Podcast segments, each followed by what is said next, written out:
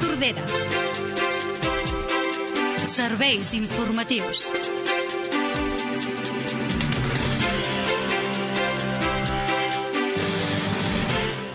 Set en punt de la tarda, com hem anunciat eh, des dels serveis informatius en aquesta jornada. Avui tenim ple, ple de l'Ajuntament de Tordera, ordinari del mes de novembre.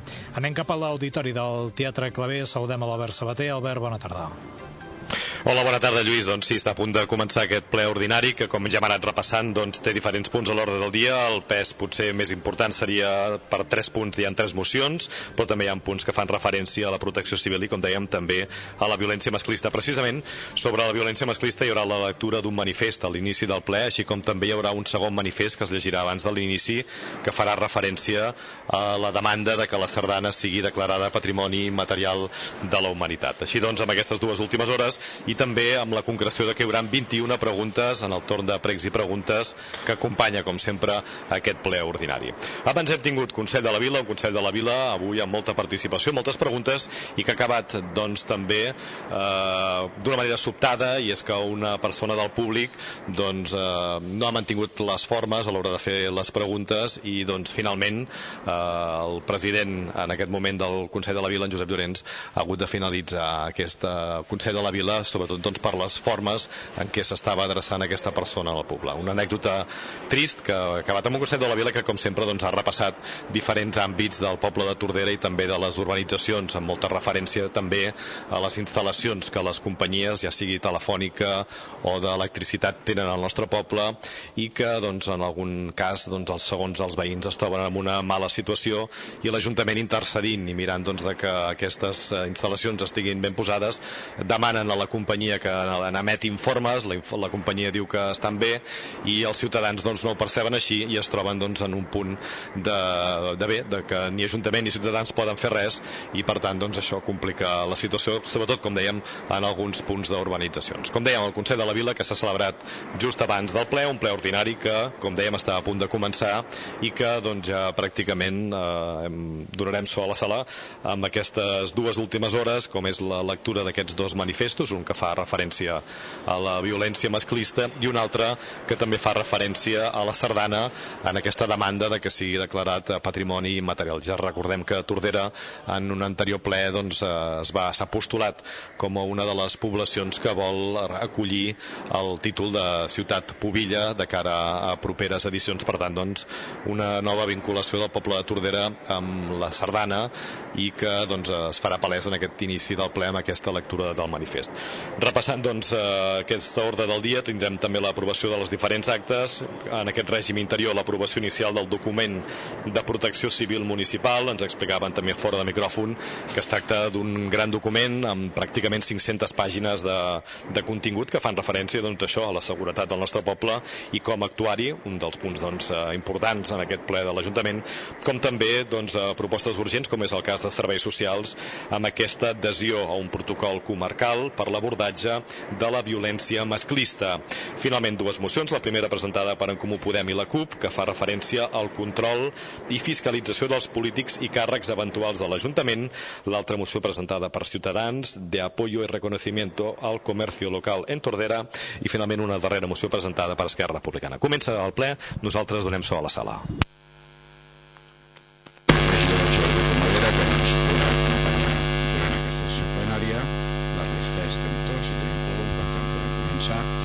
Comencem per el primer punt del dia.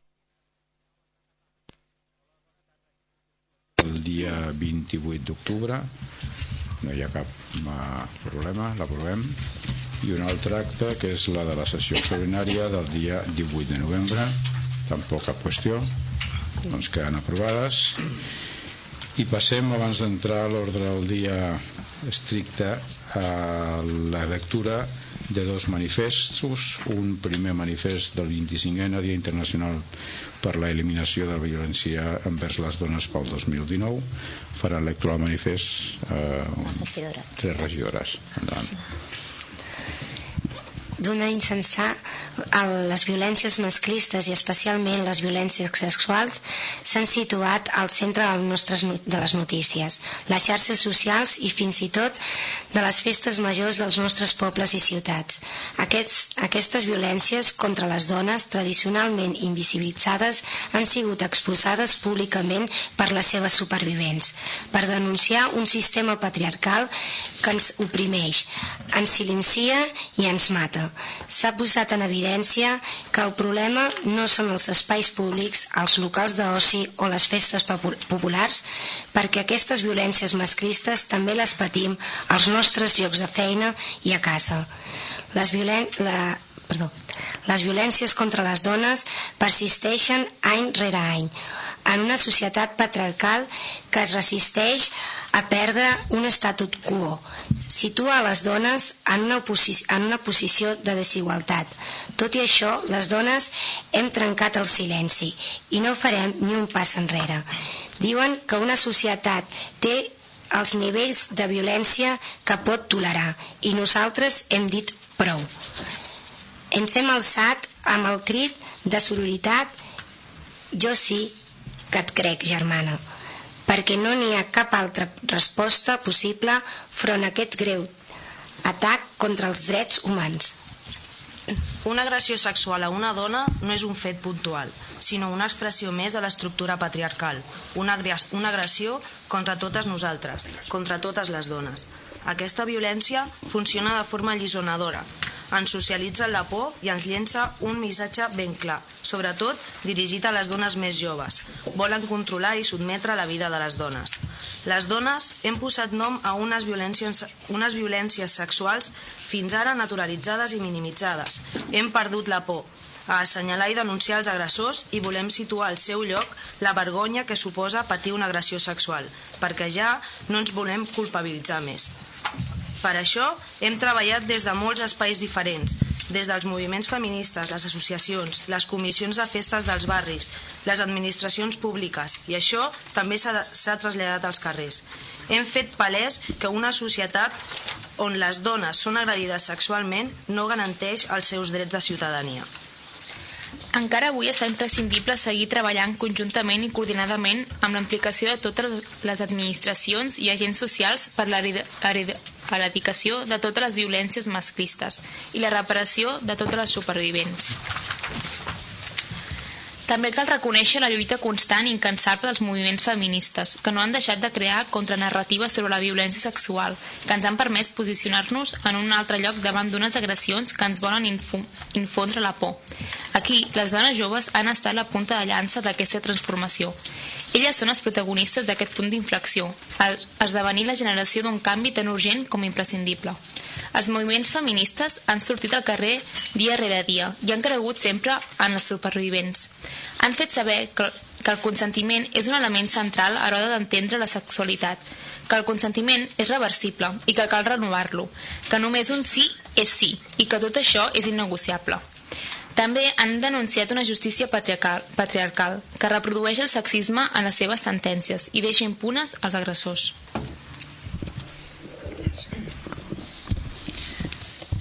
Per últim, no volem acabar aquest manifest sense reconèixer la força, el coratge i la valentia de les dones, de les supervivents i de les que han estat assassinades, de les que han trencat el silenci i de les que lluiten dia a dia per fer-ho. Germanes, no esteu soles.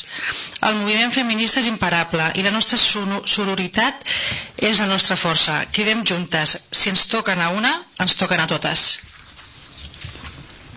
Doncs eh, aquesta seria la lectura del manifest hi ha un seguit de dades que, que, es, que, es, que avalen aquesta xacra eh, que està vivint el país i, i el món i per tant creiem que era imprescindible en aquest plenari fer lectura d'aquest manifest amb la voluntat d'encara fer més visible a Tordella ha passat alguna cosa d'aquestes? No. Els pobles no. Només passa a la ciutat Discul discul disculpi, disculpi. Disculpi, no hi ha intervencions al plenari, en tot cas. No hi ha intervencions al plenari, però en tot cas dir que sí que hi ha moltes informacions de la policia que hi ha hagut violència de gent al nostre poble, malauradament.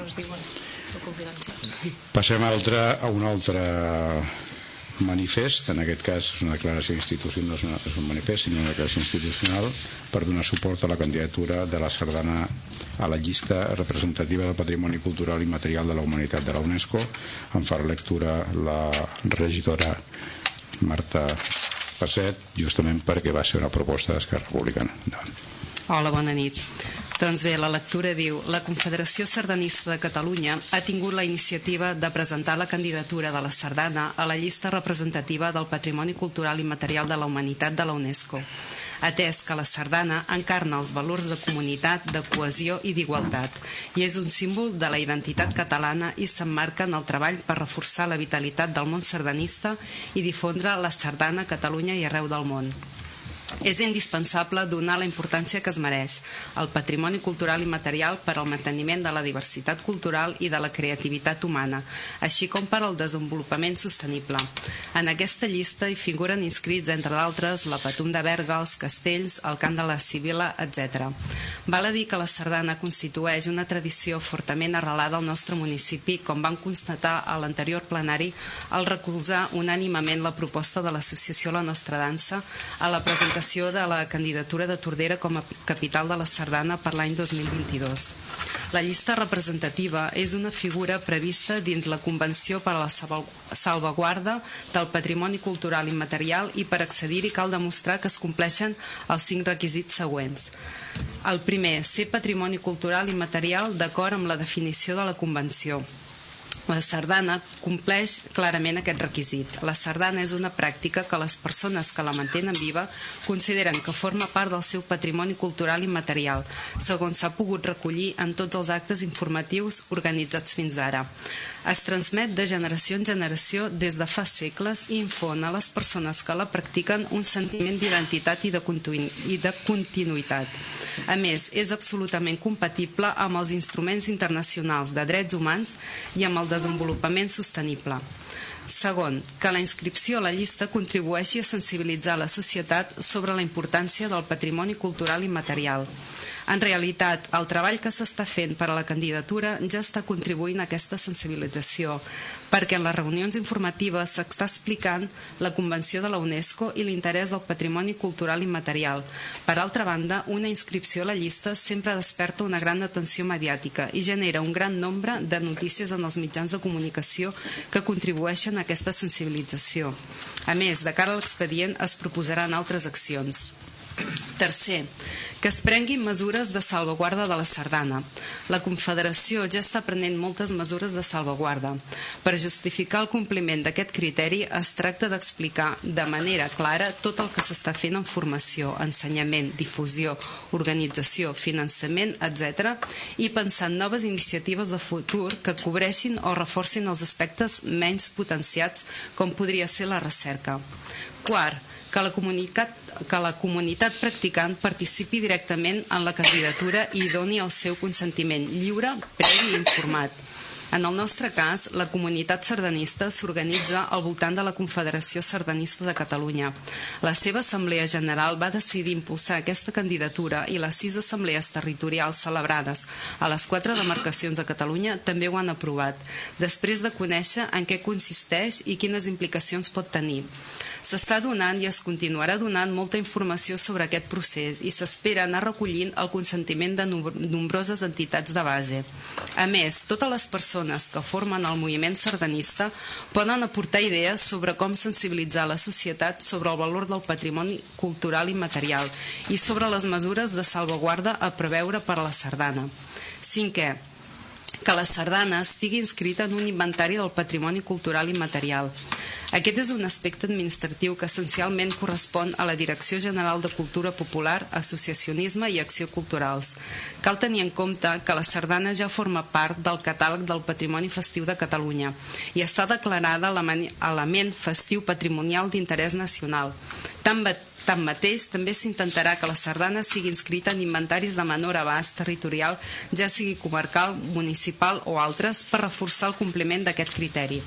La sardana, per tant, compleix o pot complir plenament els requisits establerts i, per tant, l'èxit de la candidatura només dependrà de l'esforç i la cura que s'hi posi. Per tot l'exposat, l'Ajuntament de Tordera, proposta del grup municipal d'Esquerra Republicana, Gent de Tordera i Jovent Republicà i amb el suport de la resta de grups municipals, vol manifestar el seu suport explícit a la candidatura de la sardana a la llista representativa del Patrimoni Cultural i Material de la Humanitat de la UNESCO. La present declaració institucional es comunicarà a les entitats sardanistes locals i a la Confederació Sardanista de Catalunya, impulsora de la iniciativa, les quals podran fer públic el suport donat per l'Ajuntament de Tordera si així ho decideixen. També es comunicarà a l'Institut del Patrimoni Cultural i Material, a la Direcció General de Cultura Popular, Associacionisme i Acció Culturals de la Generalitat de Catalunya, al Govern espanyol i a la Conferència General de la UNESCO per al seu coneixement. Gràcies, regidora. Doncs, eh, festa aquesta, aquesta lectura, passem als punts ordinaris de l'ordre del dia, concretament el tercer, que és el que proposa l'aprovació inicial del document únic de protecció civil municipal de Tordera, secretària. Es proposa al ple adoptar els següents acords. Primer, aprovar inicialment el document únic de protecció civil municipal de Tordera que s'adjunta a la present proposta. Segon, sotmetre informació pública al present acord i el document únic de protecció civil per termini de 30 dies a fi que s'hi puguin presentar al·legacions i reclamacions mitjançant la inserció de l'anunci corresponent al butlletí oficial de la província de Barcelona, a la web municipal i al tauler de dictes de l'Ajuntament. Tercer, disposar que si no s'hi formula cap al·legació ni reclamació durant el termini d'informació pública, el document únic de protecció civil municipal quedarà aprovat definitivament sense necessitat de cap, de cap tràmit ulterior i es procedirà a trametre el mateix a la Comissió de Protecció Civil de Catalunya per a la seva homologació. Quart, fer constar que contra aquesta resolució que posa fi a la via administrativa es poden interposar els següents recursos, contenciós administratiu, recurs potestatiu de reposició i qualsevol altre que es consideri oportú. I cinquè, notificar l'acord la, pres a l'alcaldia presidència i als departaments de via pública, obres i serveis, joventut, festes de la corporació municipal i els serveis territorials a Barcelona de la Direcció General de Protecció Civil i a la Diputació de Barcelona en el termini màxim de 10 dies hàbils a comptar de l'endemà de la seva adopció. Gràcies, secretària. El regidor Rafa Delgado té la paraula. Sí, gràcies. El document únic de protecció civil municipal és el document que estableix el marc orgànic i funcional previst per un municipi, amb l'objecte de prevenir i controlar els riscos sobre les persones i els béns i donar resposta adequada a les possibles situacions d'emergència del municipi, garantint la integració d'aquestes actuacions amb el Sistema General de Protecció Civil. Tordera és una població afectada per diversos riscos, objecte de plans territorials, com ara el Neucat, Inuncat, Infocat, Transcat, Sismicat i Bencat, que fan referència a neu, vent, foc, eh, terratrèmols, etc., així com a emergències per pandèmies, per onades de calor i associades a concentració de persones com el mercat setmanal, castells de focs d'artifici, correfocs, festa de cap d'anys i d'altres actes públics amb concentració de persones. A l'any 2018, l'Ajuntament de Tordera va sol·licitar a la Diputació de Barcelona l'elaboració d'aquest document i va participar i ens va donar suport una empresa que va contractar Diputació, però aquí vull destacar l'excel·lent treball que va realitzar en Jordi Casas, que a més de cap de policia és el nostre tècnic de protecció civil, que va adequar tot el que són programes generals a la realitat de Tordera amb un estudi i un coneixement del que necessitem i de les millors solucions que podem oferir. Aquest és un document viu. Això vol dir que s'ha de revisar i de fet en aquest cas encara ens queda feina per desenvolupar-lo, especialment en el relatiu a plans d'evacuació, on ja tenim garanties de funcionament, garanties de solucions en aquestes situacions d'emergència, però que donada la situació i característiques del nostre territori tenim molta feina a fer. Molta feina a fer a moltes zones i eh, sobretot un treball d'ampliar la informació per exemple, en determinades zones on hem d'arribar i hem de fer i oferir sortides, senyalitzacions i una sèrie de treballs als quals ens comprometem en aquests anys a desenvolupar-los de manera efectiva per augmentar la seguretat que ja a dia d'avui ens dona aquest pla que presentem a la seva aprovació. Doncs gràcies, regidor. Intervencions dels grups. L'Oriol Serra. Sí, moltes gràcies. Bé, no em voldria repetir sobre el que ha dit el regidor Rafa Delgado. Creiem que és un document molt important, creiem que s'ha d'anar ampliant i millorant i adaptant a les necessitats de Tordera i per això hi votarem favorablement. Gràcies, regidor. En Xavier Pla.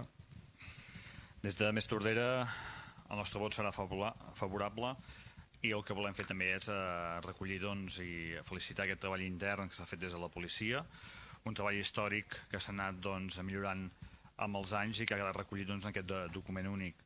Un document que el que farà doncs, i, que, i el que té per objectiu és millorar, millorar la seguretat de les tordarenques i els tordarencs. Gràcies, regidor. La Míriam Rocabruna. Desde Ciudadanos nuestro voto también será favorable. Gràcies. Per part d'en Salva Giral. Sí, bona tarda, gràcies. Sí, només per dir una mica el, el mateix que han dit la resta de regidors, agrair l'explicació que ens ha fet el regidor Rafael Gado i, i sobretot felicitar també els tècnics de l'Ajuntament i totes les persones que han participat en la redacció d'aquest pla que entenem que és molt positiu i, i necessari per Tordera. Gràcies, regidor. La Marta sí, Paset, Esquerra També nosaltres, uh, un cop uh, hem pogut revisar aquest document, de fet uh, l'ha revisat en Jesús, eh, ens ha transmès això, no? que defineix molt bé eh, tots els procediments que s'han de seguir en qualsevol cas d'emergència i especifica molt bé doncs, tots els passos i com s'han d'actuar cadascun dels implicats. No? Per això que creiem que si es fa realment tot el que disposa doncs és una eina molt, molt important i també des del nostre grup volem agrair doncs, als tècnics la, la feina que s'ha fet. No?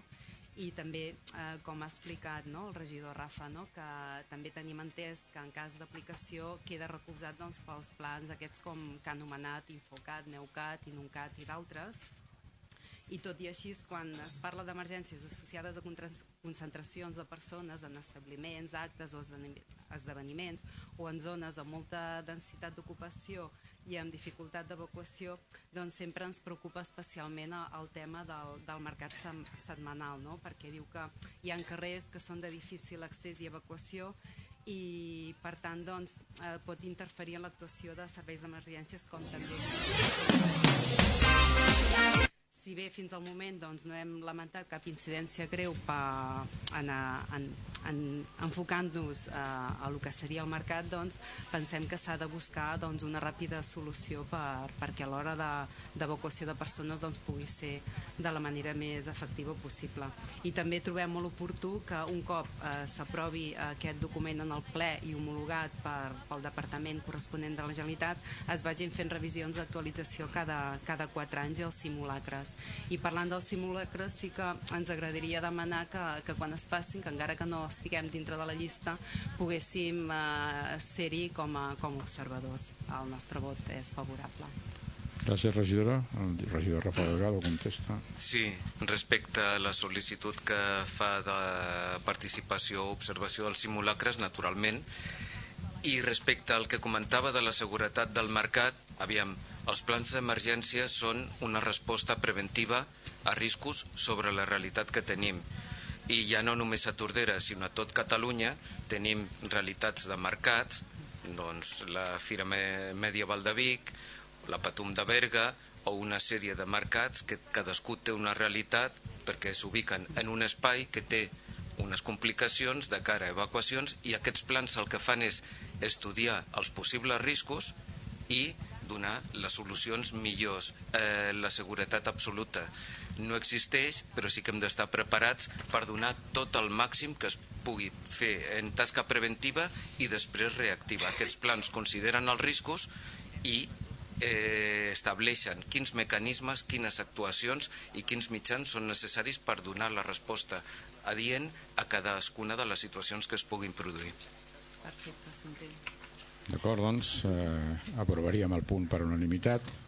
I passem al següent, que és un punt d'urgència, eh, d'urgència perquè és una adhesió al protocol comarcal d'abordatge de la violència domèstica mas, masclista, perdó, i calia que hi hagués l'aprovació del plenari del Consell Comarcal que es va produir fa pocs dies i per tant no podíem incorporar en el moment de, de convocatòria de ple perquè estava prou madur. Per tant, haurien de votar la urgència primer, tothom està d'acord en votar la urgència, doncs l'incorporem a l'ordre del dia i debatem el punt que concretament és l'aprovació de l'adhesió al protocol comarcal per l'abordatge de la violència masclista. Secretària.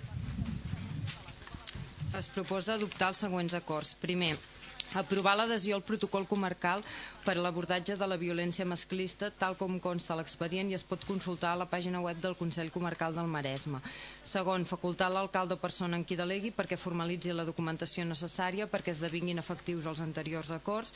Tercer, encomanar la gestió de l'aplicació municipal del protocol comarcal per a l'abordatge de la violència masclista al Departament de Serveis Socials de l'Ajuntament de Tordera. Quart, fer constar que contra aquesta resolució que posa fi a la via administrativa es pot interposar recurs contenciós administratiu o alternativament recurs de reposició sense perjudici de qualsevol altre que es pugui considerar oportú i cinquè, notificar la resolució presa a les persones interessades en el termini de 10 dies hàbils a comptar de l'endemà de la seva adopció als efectes oportuns. Doncs gràcies, secretari. La regidora Tonya, Gar Tonya García de la paraula. Gràcies, alcalde. Com bé ha explicat l'alcalde, eh, ho portem per urgència perquè el Consell Comarcal fins al dia 19 d'aquest mes no el va aprovar i fins que ells no podien aprovar-ho nosaltres no ho podíem aprovar. Sí que es va fer una presentació a principi de, de novembre a Consell Comarcal en el qual l'Ajuntament de Tordera va, va assistir.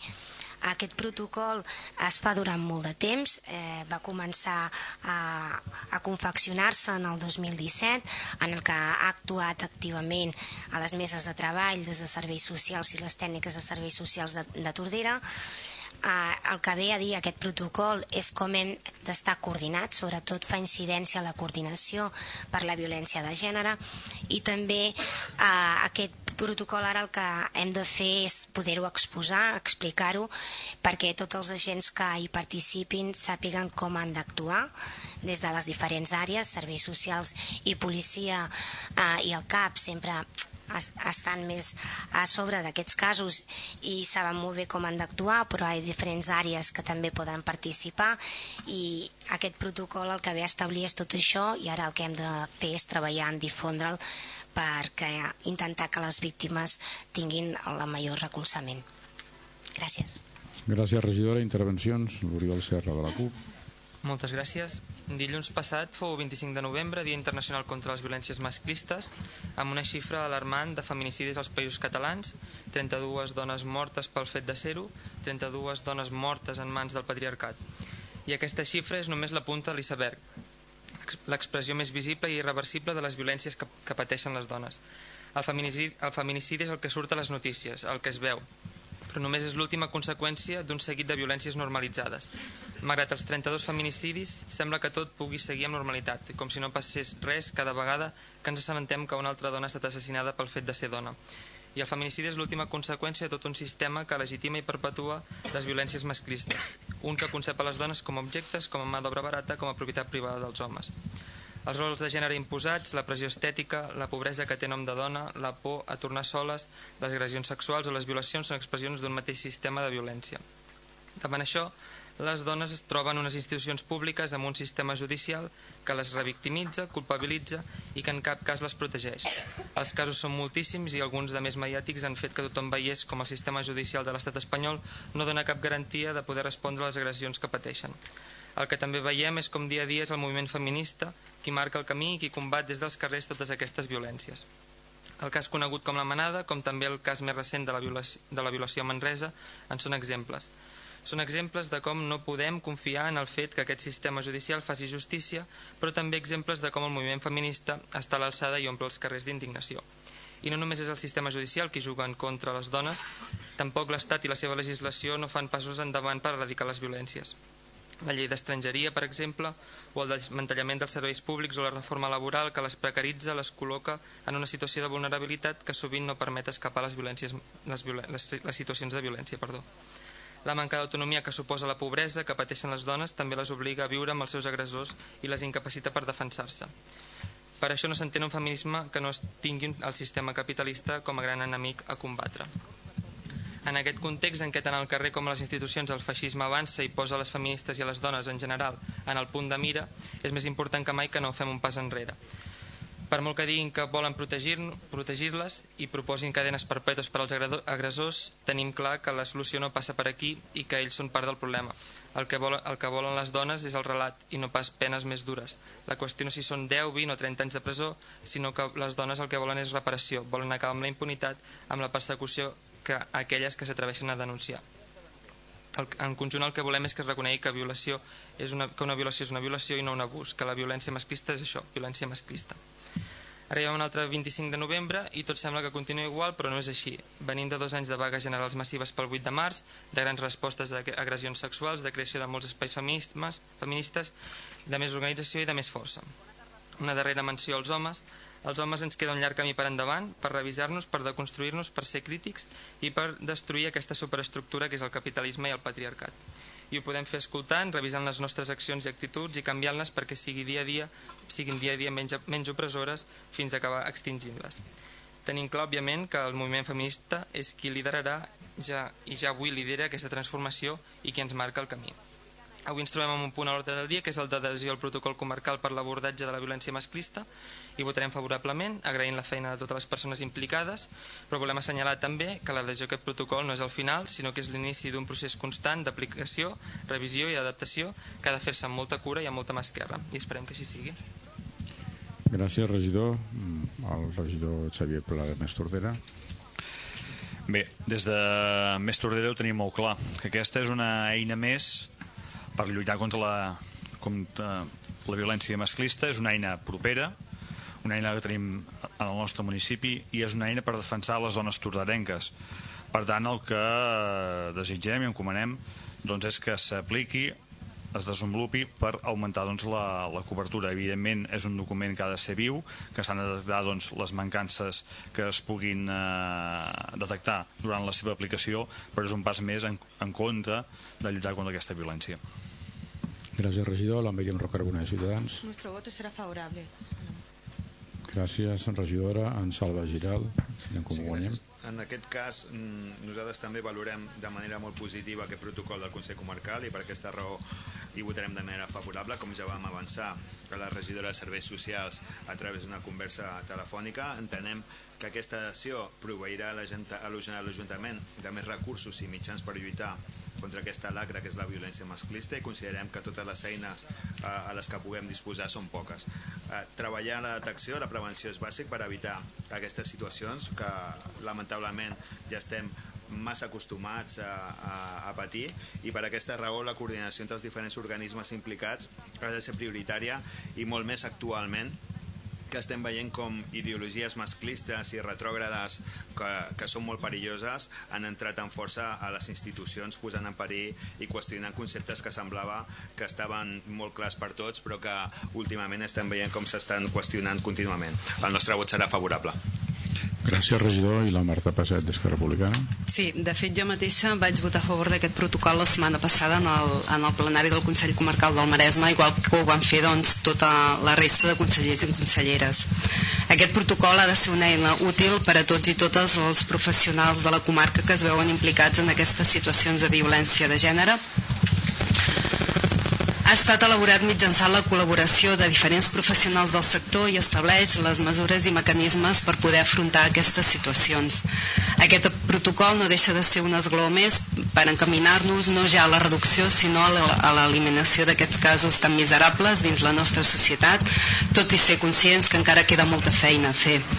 Aquest dilluns es va celebrar el Dia Internacional contra la Violència de Gènere, a la que majoria d'institucions, com també l'Ajuntament de Tordera, es van llegir manifestos en contra d'aquest tipus de violència, però també hem vist com l'ultradreta espanyola rebentava un acte a, Madrid, a l'Ajuntament de Madrid en, en aquest sentit.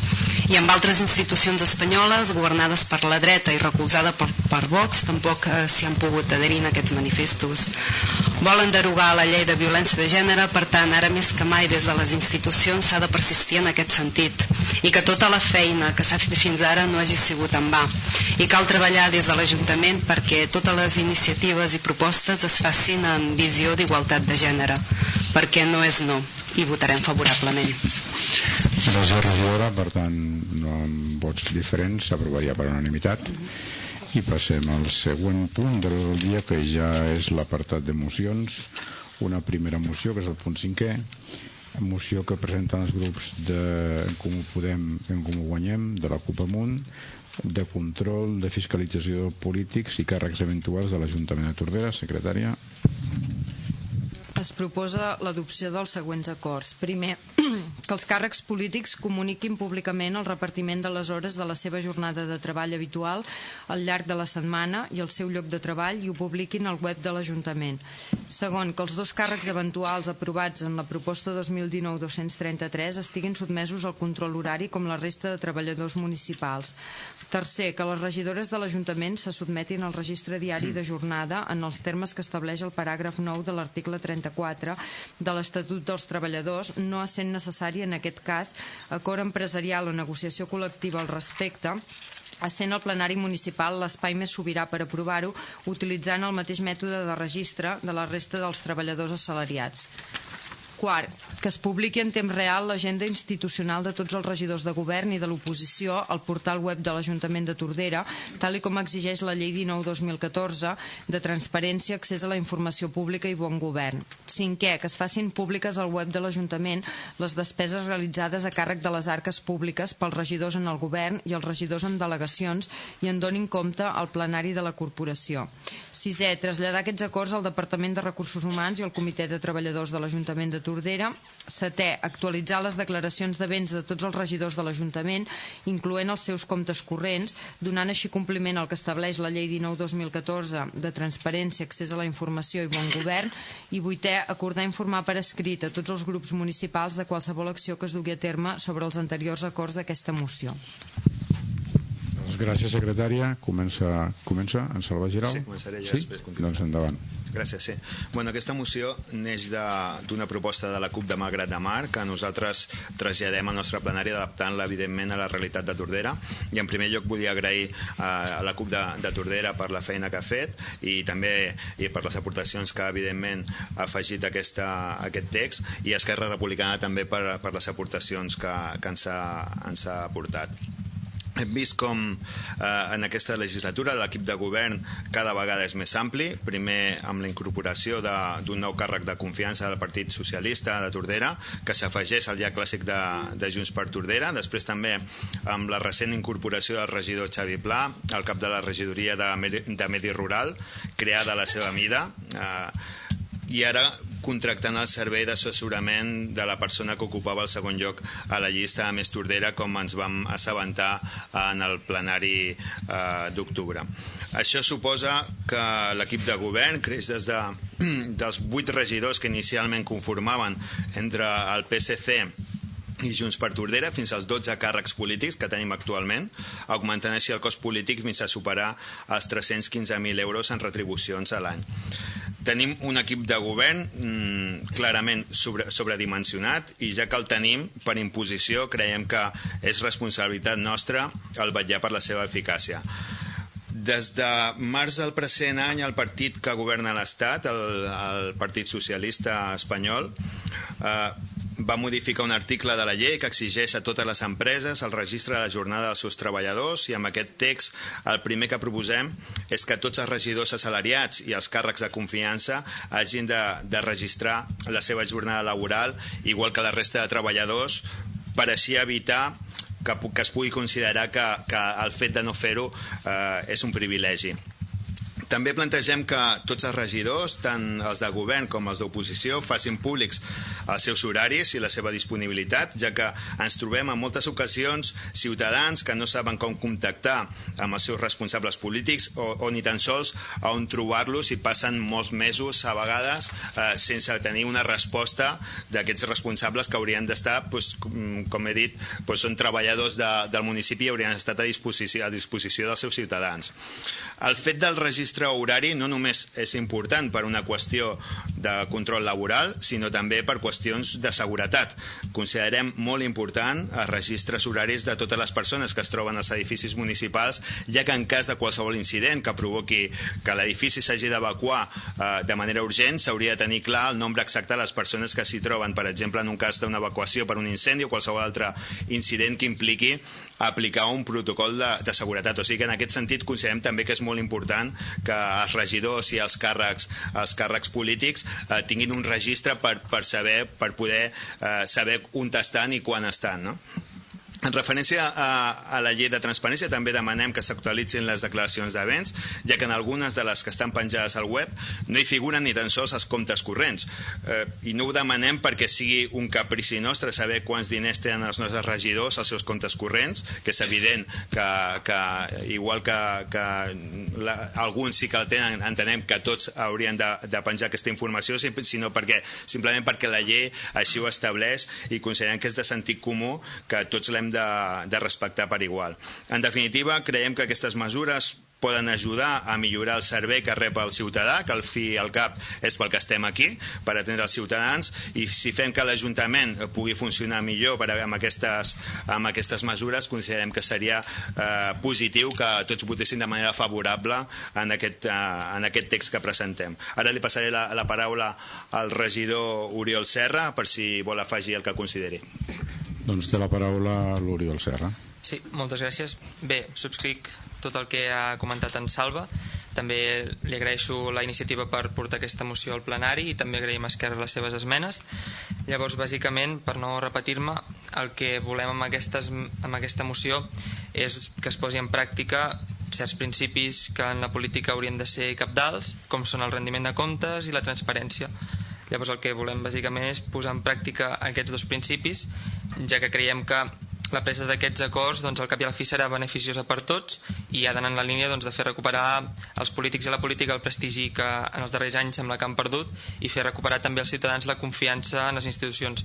Creiem que són uns acords que al cap i a la fi ens incumbeixen a tots, que tots hem de, hi estarem implicats i creiem que el que han de fer és beneficiar al cap i a la fi que tots els ciutadans doncs, tinguin accés a la informació, tinguin accés a, a què fan i què, o què deixen de fer els seus regidors, que són els seus representants polítics, i al cap i a la fi el que volem és que l'Ajuntament sigui el més transparent i, el, i amb els comptes més clars possible. Moltes gràcies. Gràcies, regidor. Doncs comencem ronda de paraules. En Xavier Pla de Més Tordera. Bé, des de Més Tordera apostem per la transparència, per la, per la claretat, evidentment, la claretat ben entesa, amb l'objectiu que tenim tots els que ens dediquem a la, a la gestió pública de tenir accés i bona comunicació amb els nostres ciutadans. No? El nostre vot serà favorable en aquesta moció. Sens dubte, aquest és el nostre deure, la transparència. El que no cal oblidar és que la proposta que, que se'ns se ha fet arribar doncs, eh, té certes llacunes, no? perquè la tasca d'un regidor és una tasca, o de, dels diferents regidors, o també fins i tot també de l'alcalde, evidentment, encara més, doncs és una tasca que es desenvolupa de dilluns a, di a diumenge amb, una, amb un horari que és molt, uh, és molt obert, no? no és un horari tancat, per tant, doncs a l'hora de jutjar i de fitxar doncs, entra en certa contradicció, evidentment, perquè entenem que eh, l'atenció a un ciutadà que et para pel carrer quan te'n vas cap a casa també és, part de la nostra feina, no ens hem de restringir a una trista comunicació que a vegades se'ns pugui doncs, fer arribar, per tant no, hem de, no ens acostumem i no ho dic jo mateix, sinó altres regidors perquè em costa que també ho fan, també inclosos els de l'oposició que també ho fan, doncs atendre aquell ciutadà que en un moment donat doncs, t'adreça una pregunta molt senzilla i també forma part de la nostra feina, no? perquè estem dedicant en aquell instant eh, del nostre espai privat a una feina pública, això està en compte i en aquell moment evidentment no haurem fitxat. Uh, i també la feina és, és diversa, no? hi ha una feina de despatx, una feina més d'administració, de relació amb els tècnics, hi ha una feina de visites, tant sigui en el propi territori, en aquest cas doncs Tordera tenim la sort que tenim moltes coses per veure, un, el, el, municipi, el terme municipal més gran del Maresme, per tant tenim moltes coses a vegades que fer, molts detalls, eh, perquè evidentment el veí que viu en el racó més allunyat, en aquest cas del Montnegre Corredor, com pugui ser més enllà doncs, doncs, té la mateixa eh, dret o té mateix dret, perdó, de rebre assistència que un veí del centre del nostre municipi, no? i per tant això ens demana una exigència important, no? i també jo crec que en aquí ha faltat també una certa concreció per la part doncs, de, dels proponents d'aquesta moció hi ha una cosa que també eh, que en el món laboral també es practica i no cal oblidar-ho que és no hem de practicar el, la presència, el presencialisme. És a dir, no, no, no, vol fet de, de tenir més presència som més eficients perquè ara doncs, eh, amb el fet de la conciliació familiar amb aquest debat que hi ha de, les, eh, bueno, de conciliar la, la feina amb la, amb la família doncs, evidentment doncs, el, el teletreball pren més força. Jo crec que en aquest cas en el, els regidors i regidores eh, utilitzem doncs, aquesta eina és difícil doncs, eh, quan estàs resolent dubtes des de casa teva amb el teu, eh, a través de, del teu ordinador doncs, i, i estàs fent una tasca doncs, se, sigui difícil fitxar Uh, per tant, doncs, uh, hem de reforçar la conciliació, que aquí no he, no he vist que això hi hagin pensat massa. Per tant, per tot i així, eh, entenguent altres consideracions a les quals doncs, eh, o matisos eh, són bastant discutibles, el que sí que des de Més Tordera entenem la bondat, que per tant és la transparència, el servei al poble, i també el, eh, és, és el més important, i també doncs, no cal oblidar que el, la millor manera de rendir comptes és estar obert, per tant atendre les telefonades, les instàncies i aquestes eh, interpel·lacions que moltes vegades tens a peu de carrer, doncs respondre-les. Aquest és el nostre deure i no oblidem que el, el millor moment per eh, retre comptes de la nostra acció de govern és cada quatre anys a les eleccions municipals. Gracias, regidor. En aquest cas, la, la la paraula. Eh, desde Ciudadanos seguimos apostando por la transparencia y la necesidad de hacer llegar a nuestros ciudadanos la información que necesitan, ya que como cargos públicos es nuestra responsabilidad. Por eso nuestro voto será favorable. Gràcies, regidora, i per tant intervé sí. Esquerra Republicana. El grup municipal d'Esquerra Republicana, gent de Tordera i Jovent Republicà, sempre ens hem mostrat favorables a tenir un ajuntament obert, com dèiem en campanya, un ajuntament amb finestres obertes i parets de vidre. Per tant, qualsevol proposta que vingui en aquest sentit la recolzarem. Sabem que és complicat, sobretot pel que fa al control horari dels regidors, perquè l'horari acaba sent molt flexible, com s'ha dit aquí ja, però això no ha de ser excusa per no aprovar aquesta moció, que va en la direcció dels principis de la llei de transparència i el bon govern. Tordera mereix tenir un ajuntament que doni confiança als ciutadans i ciutadanes del municipi i els regidors n'hem de ser un exemple amb el compliment de la llei de transferència. De transparència, perdó. Evidentment, el nostre vot és favorable. Gràcies, regidora. En Rafa Delgado, del PSC. Sí, gràcies. El grup municipal socialista també votarà favorablement. Aquí s'ha fet una exposició en la que hi ha elements en els quals som d'acord i altres que no.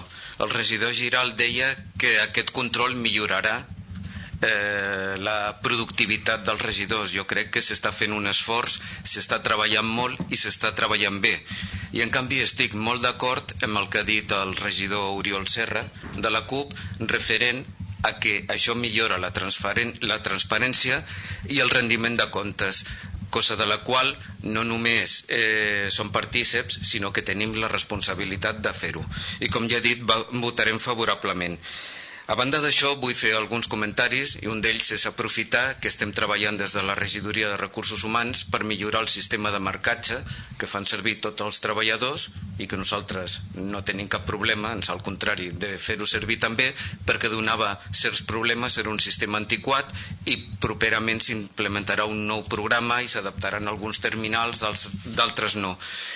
Jo el que sí que veig és que aquí s'ha comentat que la nostra agenda política doncs, inclou doncs, en caps de setmana anar a fer assemblees a barri, reunions, etc. Això difícilment es pot gestionar amb un sistema de marcatge, però es pot compatibilitzar amb el sistema d'agenda pública i un comentari, dos comentaris més, un respecte al sistema de marcatge, el regidor Giral ha destacat que per seguretat mm, els regidors de govern ho haurien de fer, jo aquest sentit de seguretat el faria extensiu també als regidors a tots els de l'Ajuntament perquè també fessin aquest marcatge per temes de seguretat i saber si són a dintre de l'edifici per qüestions de plans d'evacuació. I en el punt cinquè en què es diu que es facin públiques al web de l'Ajuntament les despeses realitzades a càrrec de les arques públiques, només recordar-li que la última modificació de crèdit es va eliminar aquesta partida perquè no es carrega cap qüestió d'aquestes a l'erari públic. I per part de Junts per Tordera, en Josep Llorenç. Gràcies, alcalde. Bona tarda a tothom. Bé, aquesta moció jo crec que malgrat que diu que en la seva part expositiva vol acabar amb les especulacions i que parla de transparència, en el fons crec que hi ha un subtext que diu que no és del tot transparent i que just el que fa o el que aconsegueix o el que pretén, això ja no ho sé, és una mica el contrari. Perquè d'una banda, si llegeixen la part expositiva, vol tornar a posar sobre la taula el debat sobre el cost polític de l'Ajuntament i el valor de, de, de, de les persones que estan, que, estan en aquest, que, formen part d'aquest cos polític i entenc que si el debat és aquest o vol ser aquest no costa, dir, no costa gens dir les coses pel seu nom. Un debat que pel que a nosaltres ens sembla és reiteratiu és estèril i que de fet dubto que ens porti en lloc a més a més vull recordar que és un debat sobre poc més de l'1% del pressupost eh, municipal i en canvi dediquem en aquest ple, hem dedicat en aquest ple molt més temps a parlar d'aquest 1% que de la resta del 99% restant que és tot allò que fem més enllà d'aquest cos polític. Entenc que, que pot ser llaminer però no crec que sigui ni útil ni eficient ni que sigui el que ens demanen els ciutadans que fem des de la posició de representants públics però vaja, si n'hem de parlar, parlem-ne i encara que sigui per posar de manifest que aquest cos que alguns insinuen o volen fer creure que és desmesurat eh, m'agradaria o he recopilat algunes dades també per posar-nos en situació perquè a vegades doncs, les comparacions ajuden i ens ajuden a situar-nos a tots. Eh, la despesa política de Tordera és de 22 euros per habitants per habitant i any i per tenir una dada comparativa la despesa social que fem des de Tordera és de 112 euros per habitant i any. Per tenir altres referències he agafat les mateixes dades de, de pobles del voltant. Per exemple, a Malgrat tenen una despesa política de 23 euros per habitant i any i una despesa social de 45 euros per habitant i any. Recordem que la Tordera de, de 22 i de 112. Arenys per exemple, eh, on en aquest cas governa Esquerra Republicana, la CUP i en Comú Podem conjuntament, la despesa eh, política és de 25 euros, la despesa social de 132 a Palafolls, que hi governa Esquerra, la despesa política és de 22 euros, la despesa social de 60 a Calella, la despesa política és de 21 euros, la despesa social de 69, aquí governa Junts per Catalunya, PSC a Massanet, la despesa política és de 21 euros i la despesa social de 31. Eh, això pel que fa a pobles del voltant. I he buscat també altres pobles que específicament hi governessin els partits que presentaven la moció per veure si és que les coses es feien molt diferents en aquests casos a tots els que n'he triat uns quants de tots els que he pogut trobar perquè en alguns casos no tenen la informació i per tant aquesta sí que no l'he pogut recollir. Però per exemple en Comú Podem governa Santa Perpètua de la Moguda. La despesa política que Tordera és de 22 euros aquí és de 27 per habitant i per any i la despesa social de 120 a Pallejà, que també hi governa en Comú Podem, la despesa política és de 25 euros, la despesa social de 59, a Navàs i Sant Quirze de Besora, que governa la CUP, conjuntament amb Esquerra als dos llocs. La mm, despesa política és de 29, de 29 euros a tots dos llocs, la despesa social de 78 a Navàs i de 157 a Sant Quirze de Besora. Què vull dir amb tot això? Eh, I després de fer aquesta comparativa que és que podem seguir tenint aquest debat tantes vegades com vulguem, però en tot cas el que queda clar és que pel que fa a la despesa política que té l'Ajuntament de Tordera estem sempre en comparació a pobles del voltant i a la resta de Catalunya mmm, més aviat a la part baixa i pel que fa a la despesa social estaríem a la part mitjana alta.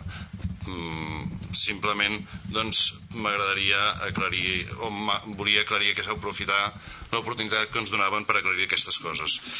Això són dades i ja no són opinions i per tant volia posar-les sobre la taula pel que fa als acords que es proposen, entenc que la moció, i em sembla que no sé si l'Oriol o, o en Salva ho han dit, no és una moció que sigui originària de Tordera perquè hi ha algunes coses que no ens encaixen, eh, entre d'altres coses perquè moltes de les propostes que fa, de les propostes d'acord són i ja, ja s'estan duent a terme, per tant no entenc que és una moció que ve de fora i que per tant l'hem adaptat una mica com hem pogut a la realitat de Tordera. Les agendes són públiques, es poden millorar o no, però són públiques, les declaracions de béns hi són, algú ha fet esment en què hi faltava alguna dada, en tot cas si falta alguna dada, aquesta dada eh, es, es posa, i totes es poden trobar, com molt bé saben, al portal de transparència i pel que fa a les despeses de càrrecs eventuals i de càrrecs, electe, i de càrrecs electes mm, no són públiques perquè directament no se'n fan. Qualsevol dieta, qualsevol viatge, qualsevol transport se'l paga cada regidor de la seva butxaca.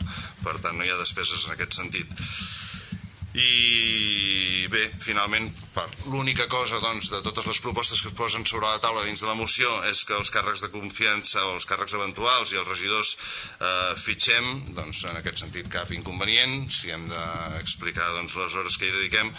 De fet he estat fent un càlcul a nivell personal. Si ens haguéssim de, de fixar o, o, o ens haguéssim d'igualar eh, el sistema de fitxatge i d'horari que fan els treballadors, jo aquesta tarda ja no hauria d'haver vingut perquè les 37 hores i mitja d'aquesta setmana ja fa, ja fa estona que les he superat.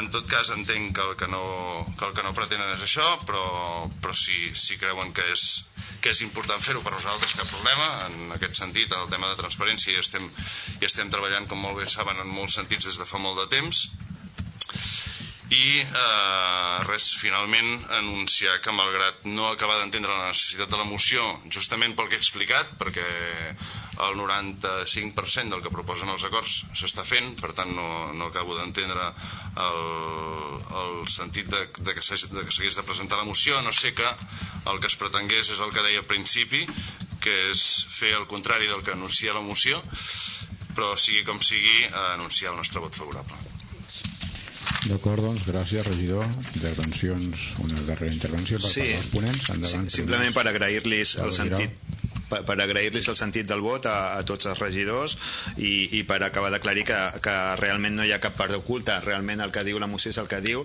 i, i el que pretén és que l'Ajuntament sigui més transparent i que funcioni millor. Realment és el, el que preteníem amb aquesta, amb aquesta moció i realment fa eh, l'hem treballat molt, fa un parell de mesos que estem treballant sobre el text perquè no ens volíem equivocar i volíem que fos una, un, que portés algú productiu.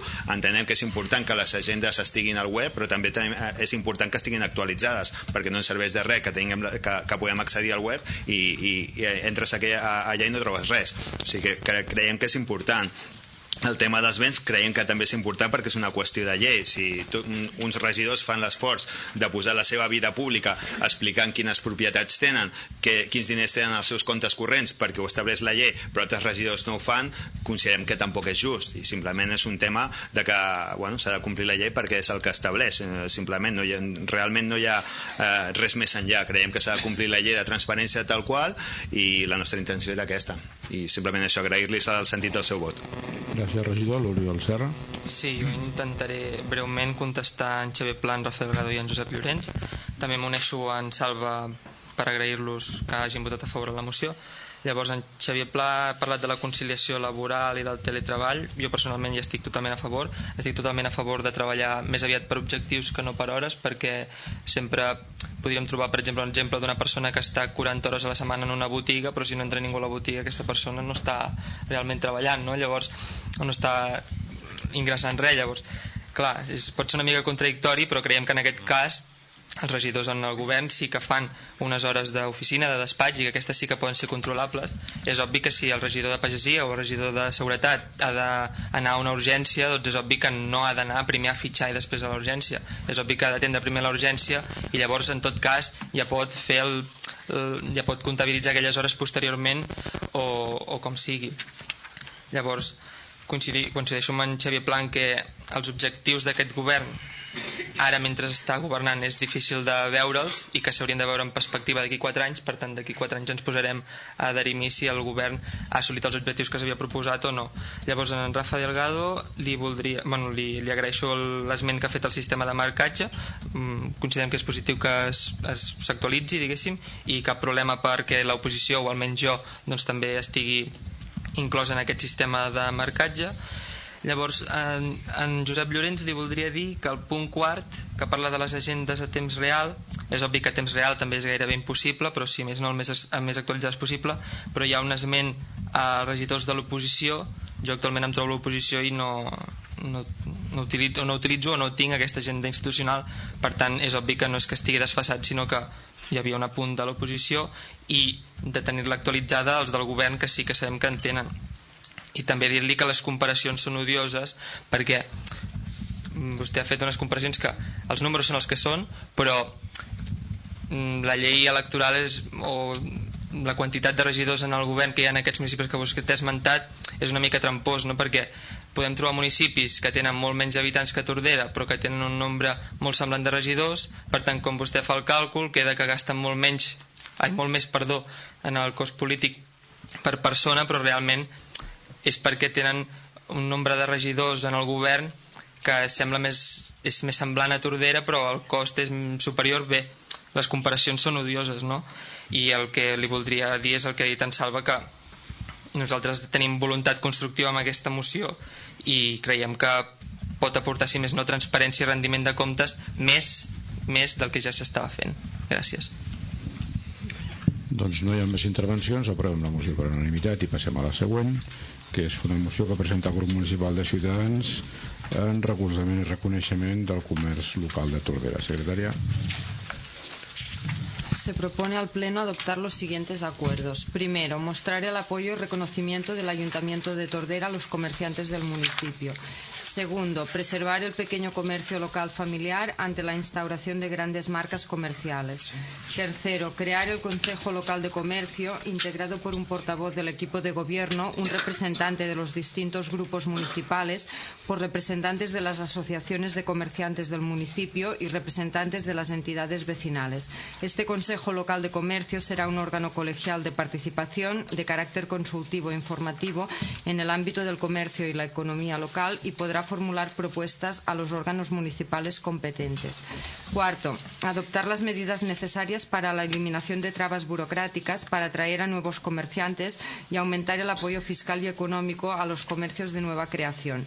Del mismo modo, impulsar líneas de apoyo fiscal a los comercios que creen nuevos puestos de trabajo en el municipio y apoyar a los pequeños comercios locales revisando la carga fiscal que recae sobre ellos en función de la actividad y de los ingresos, para que puedan competir en, igualdad de condiciones con las grandes cadenas comerciales, sobre todo potenciando nuestra identidad como población de ámbito rural y desarrollando políticas de apoyo a los nuevos inversores. Quinto, instaurar un reconocimiento a los comercios históricos del municipio y estudiar que este reconocimiento pueda conllevar una bonificación fiscal. Sexto, facilitar y simplificar los trámites de sucesión de la actividad económica entre diferentes titulares, impulsando un programa para la incorporación de nuevos emprendedores que permitan retomar y, modernizar los comercios que existen.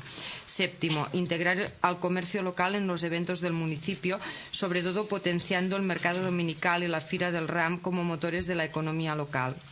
Octavo, garantizar el cumplimiento en todos los establecimientos de nuestra población de la normativa vigente en materia de regulación lingüística en los comercios de Cataluña, Ley 22-2010 del Código de Consumo en Cataluña y Ley 1-87 de Política Lingüística, a fin de garantizar el derecho a ser, a ser atendido en cualquiera de las lenguas oficiales sin discriminación alguna. Noveno, impulsar campañas comerciales para incentivar la compra en el comercio local conjuntamente con las asociaciones de comerciantes y contar también con el comercio que no forma parte de estos.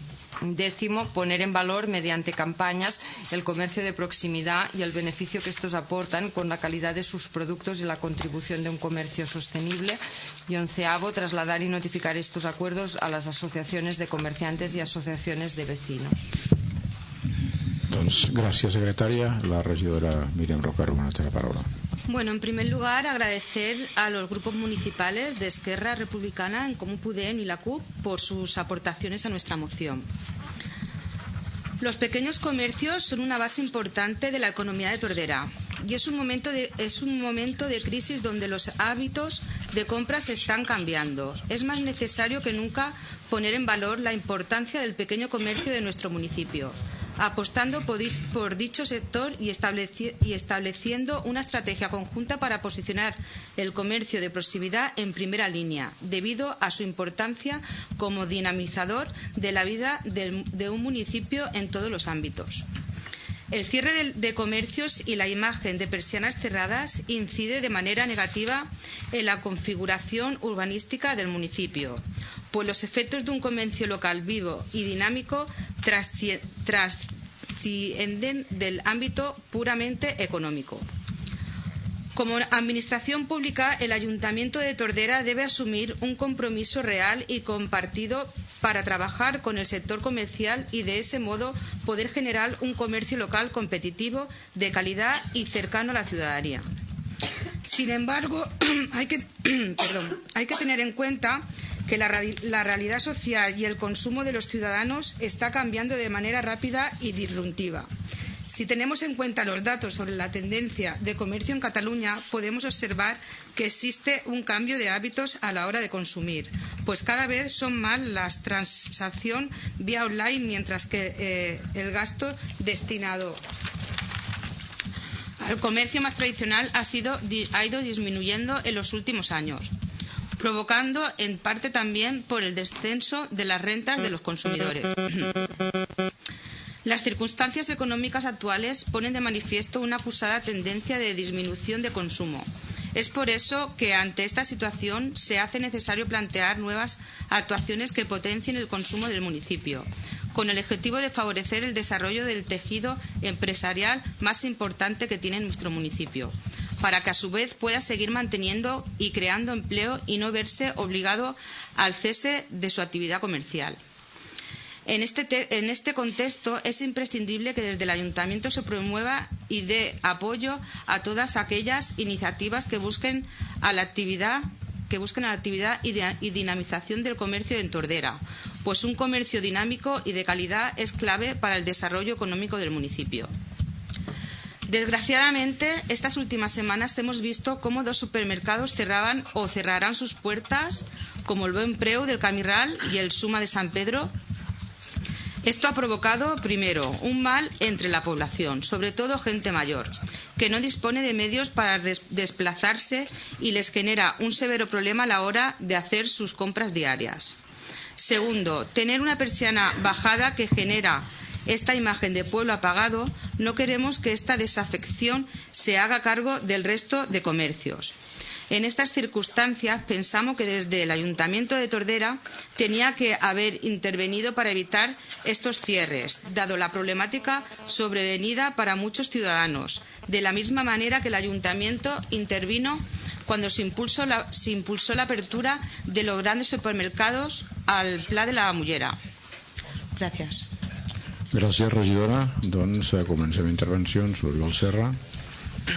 Val, en, en primer lloc voldria assenyalar que la llei que es refereix a l'acord 8è està equivocada, no és la U87 sinó és la U98 agraeixo al regidor Jesús Saltó que em fes notar l'error i l'assumim en tant que aquest acord va ser afegit a esmena nostra van proposar diverses esmenes com l'eliminació d'un punt que es va realitzar o també vam demanar més concreció en alguns dels acords que es volen prendre i aquests darrers no van ser concretats Sorprenentment estem d'acord en algunes parts de l'anàlisi que es dirimeix dels antecedents.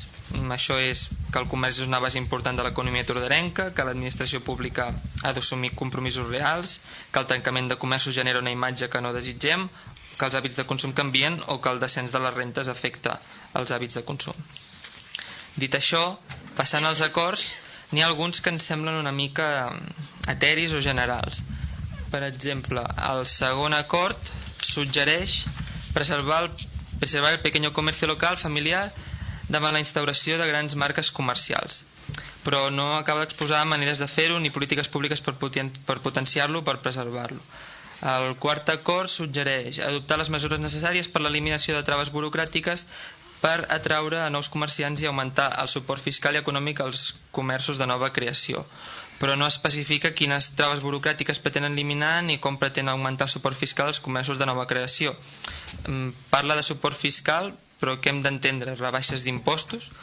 Més endavant, en aquest mateix acord, diu de la mateixa manera, impulsar línies de suport fiscal als comerços que creen nous llocs de treball en el municipi i donar suport als petits comerços locals revisant la càrrega fiscal que recau sobre ells en funció de l'activitat i dels ingressos, que em corregeixi la regidora d'Hisenda si, no si m'equivoco, però les ordenances fiscals que es van aprovar en el darrer ple ordinari es va aprovar bonificar un 50% de l'IAE a aquelles empreses que augmentessin de mitjana un treballador la seva plantilla. Veritat? Sí. Sí, sí. sí. Fins un 50. la progressiva en funció de la... De la sí.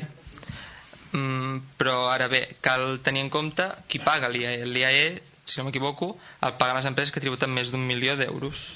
Veritat? Llavors l'IAE ja no el paguen els petits comerços perquè no arriben a tributar un milió d'euros. Per tant, de quines mesures es parla? Per exemple, augmentar les tasques de recollida de brossa, per exemple. Llavors, com que tampoc queda clar, doncs faig esment. El cinquè acord diu instaurar un reconeixement als comerços històrics del municipi i estudiar que aquest reconeixement pugui portar una bonificació fiscal. Com es, voldríem saber com es decidirà quins comerços mereixen reconeixement i quins no. Qui defineix la paraula històric, qui defineix la paraula doncs, com es defineix la paraula reconeixement, quina mena de reconeixement. Llavors, volem deixar clar des de la CUP que el petit comerç local i de proximitat és una prioritat per nosaltres i sempre tindrà el nostre reconeixement i el nostre suport.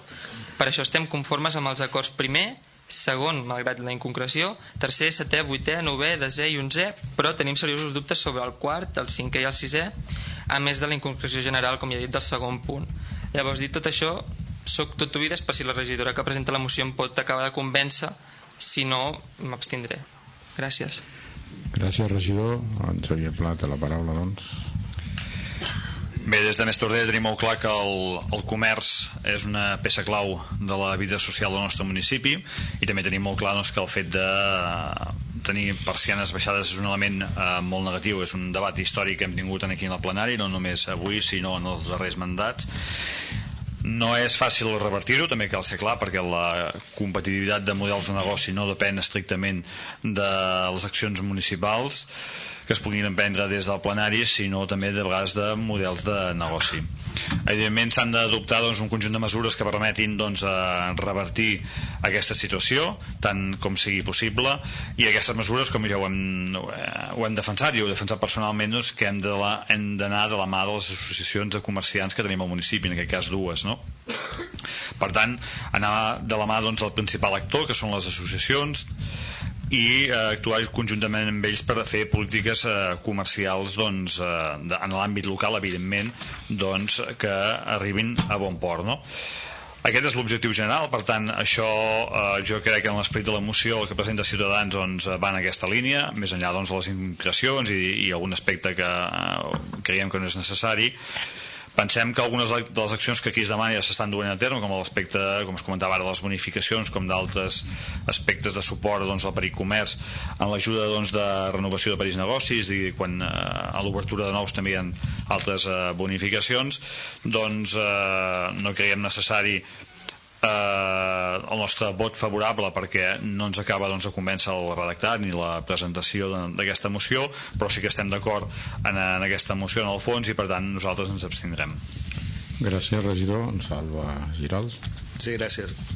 Des d'en Comú Podem votarem de manera favorable a aquesta moció que entenem, perquè l'entenem com una declaració d'intencions amb la que, que considerem que és difícil no estar d'acord, tot i que compartim moltes de les consideracions i els dubtes que han plantejat tant l'Oriol eh, Serra com el regidor Xavi Pla.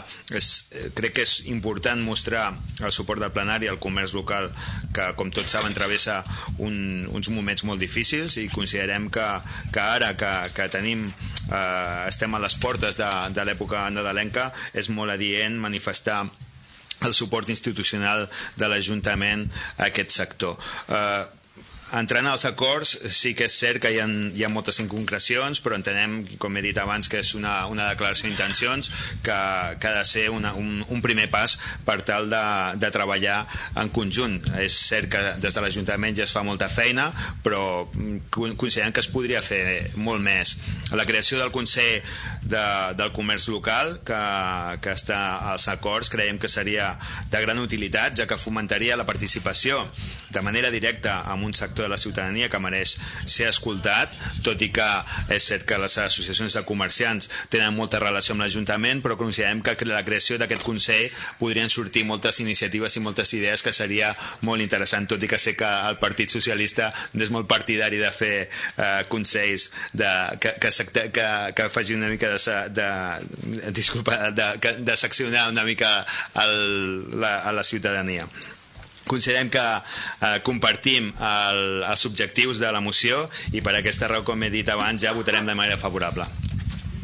Gràcies, regidor. La Marta Paset d'Esquerra. Sí, bé, com ja ha dit abans la Míriam, nosaltres hi hem, els, hi hem incorporat alguna, alguna esmena per contribuir pos, uh, positivament doncs, en aquesta moció i també ens remetem una miqueta doncs, al que han dit els companys, no? de que potser hi ha alguna inconcreció en els punts, però al final la moció uh, no deixa de ser un reconeixement i un suport al comerç local i des d'Esquerra nosaltres sempre hem defensat a, a aquest tipus de, de comerç i concretament bueno, ja s'ha posat l'exemple no, de les persianes baixades del barri vell que, que sempre doncs, és preocupant no? i mirar a veure com es pot revertir aquesta situació i sí que veiem doncs, que caldria una sèrie de plantejaments seriosos per buscar mesures correctores a aquesta problemàtica tot i que, no sa, que sabem que no, és, que no serà fàcil però pensem que, que aquesta moció doncs, pot ser un bon punt de, de partida per, per començar a trobar doncs, aquestes solucions i nosaltres hi votarem favorablement. Gràcies, regidora. El Partit dels Socialistes, en Rafa Delgado. Sí, bé, si aquesta moció s'hagués presentat com moció de suport al comerç de Tordera, naturalment el nostre vot hauria estat favorable perquè penso que tots els regidors tenim la responsabilitat i la voluntat de treballar i donar el màxim suport al nostre comerç. El que passa és que això s'ha de traduir en accions concretes i en aquest cas els acords que aquí es proposen no són gaire concrets i de fet presenten tota una sèrie de, de mesures i propostes que ja estan funcionant. Eh, el regidor Giral eh, comentava que els socialistes, no, els socialistes com que treballem i defensem molt la participació ciutadana, li volem donar sentit, però en aquest cas concret doncs, hi ha una particularitat que, bueno, que ara la regidora Nadia Cantero els explicarà aquest respecte, però en tot cas el nostre vot serà d'abstenció perquè compartim al 100%, com tots els regidors d'aquest ple, eh, la voluntat de donar suport, però la inconcreció de les mesures no penso que per no ser reiteratiu i com ja s'ha exposat ens porta a fer aquesta abstenció. Gràcies, regidor. Doncs ara la Nàdia per uh, Junts per Tordera té la paraula. Gràcies. Sí. Gràcies, bona, bona tarda. Uh, bueno, dir que hem rebut aquesta moció i també té moltes coses que es contradiuen entre elles.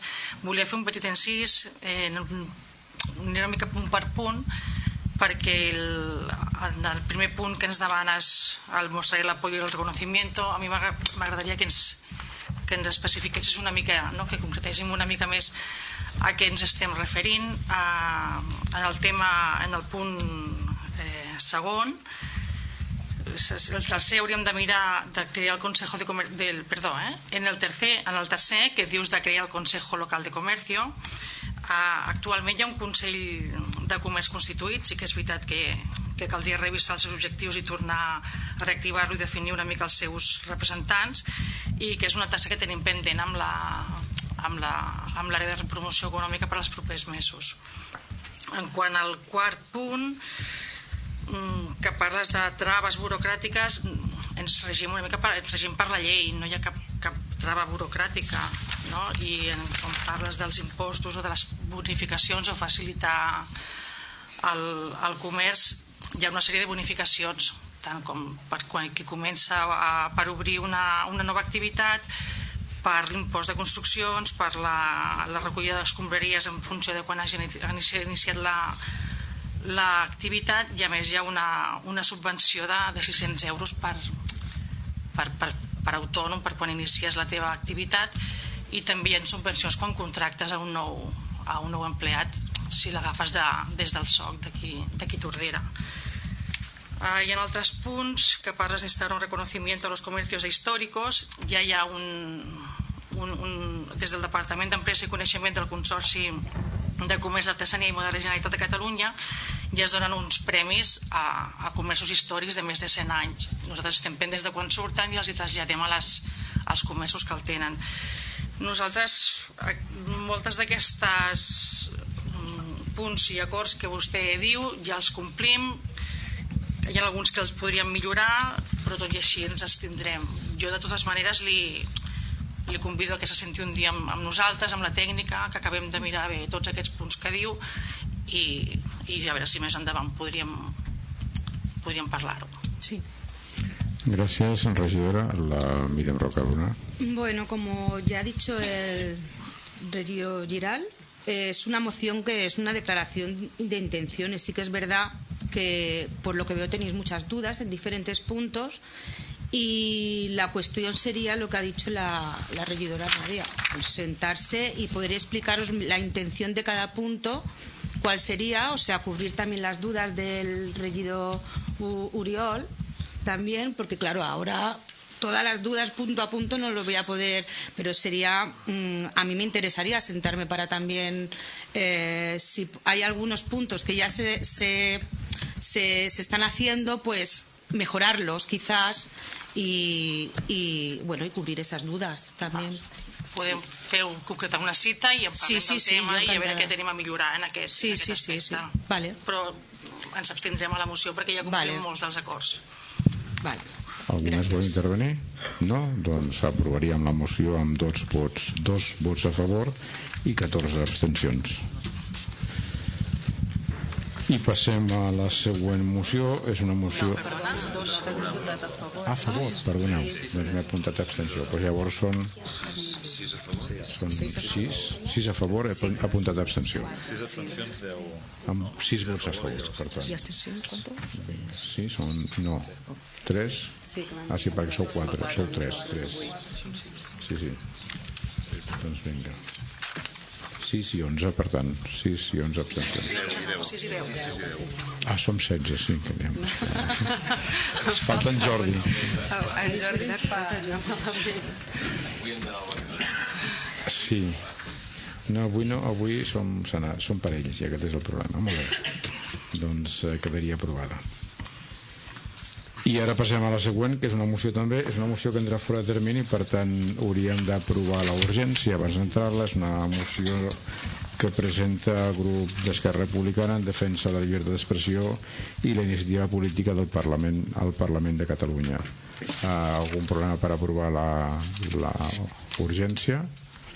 per tant l'aprovem per unanimitat i la incorporem i per tant el títol és el que els hi deia moció que presenta el grup d'Esquerra en defensa de la llibertat d'expressió i d'iniciativa política al Parlament de Catalunya secretària Es proposa aquest ple l'adopció dels següents acords. Primer, denunciar la censura que el Tribunal Constitucional pretén imposar al Parlament de Catalunya clarament incompatible amb l'autonomia i la invio- inviolabilitat de la cambra. Segon, reivindicar el dret dels diputats i diputades del Parlament de Catalunya, així com el dels membres d'aquest ple, a poder debatre sobre tots els assumptes que interessen a la ciutadania, inclosos el dret a l'autodeterminació, la monarquia o la sobirania. Tercer, considerar que davant les coaccions dels poders de l'Estat per intentar limitar els temes de debat al Parlament de Catalunya no hi ha cap més opció que defensar el dret a la representació política i a la llibertat d'expressió de tots els diputats i diputades, sense fissures perquè si la censura entre el Parlament de Catalunya o a qualsevol altre òrgan de representació política escollit democràticament es desvirtua el sentit de les institucions. Per això expressa i expressarà tants cops com ho vulguin els membres d'aquest ple la reprovació de la monarquia, la defensa del dret a l'autodeterminació i la reivindicació de la sobirania del poble de Catalunya per decidir el seu futur polític. Quart, entendre que les competències autonòmiques no poden definir els límits del que es pot parlar al Parlament de Catalunya, perquè els legítims representants del poble de Catalunya s'han de poder posicionar políticament sobre qüestions com la invasió de Turquia al Kurdistan, la crisi dels refugiats o l'emergència climàtica, per posar només alguns exemples.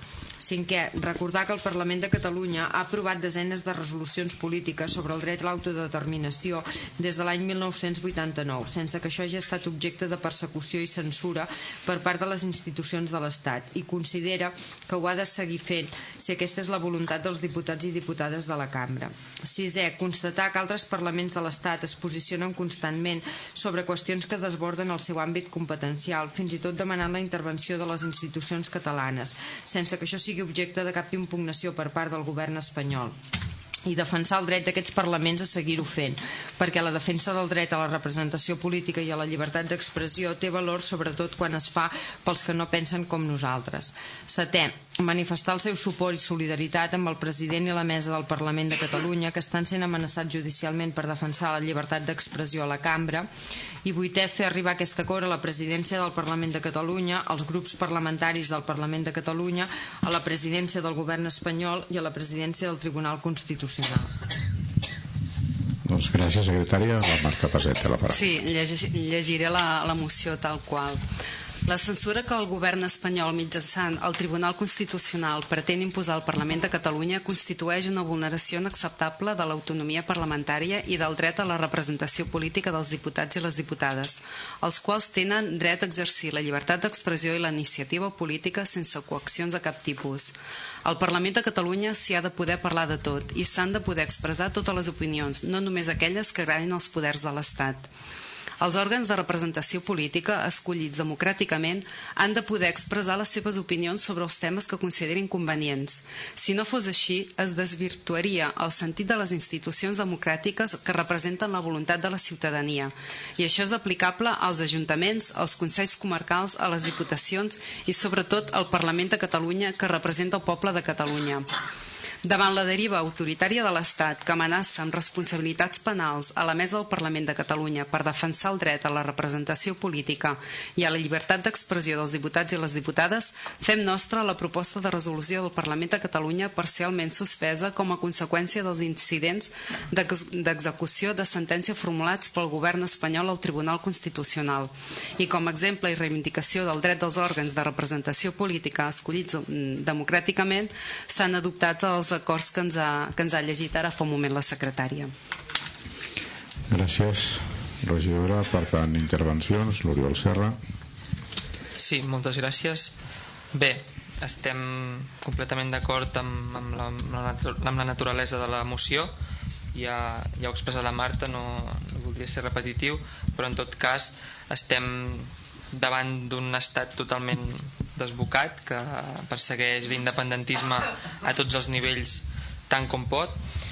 Les amenaces a la mesa del Parlament al cap i a la fi són unes amenaces a l'autonomia del Parlament que és un òrgan elegit democràticament i per tant no, no entenem per què el Tribunal Constitucional doncs, vol limitar el dret que tenen els diputats i les diputades a parlar sobre qualsevol dels temes que es vulguin posar sobre la taula, com fins i tot podem fer en el plenari municipal, donant suport o demanant o exigint temes que ens superen en l'àmbit competencial però que si més no doncs, ho podem fer i, es, i estem en el nostre dret.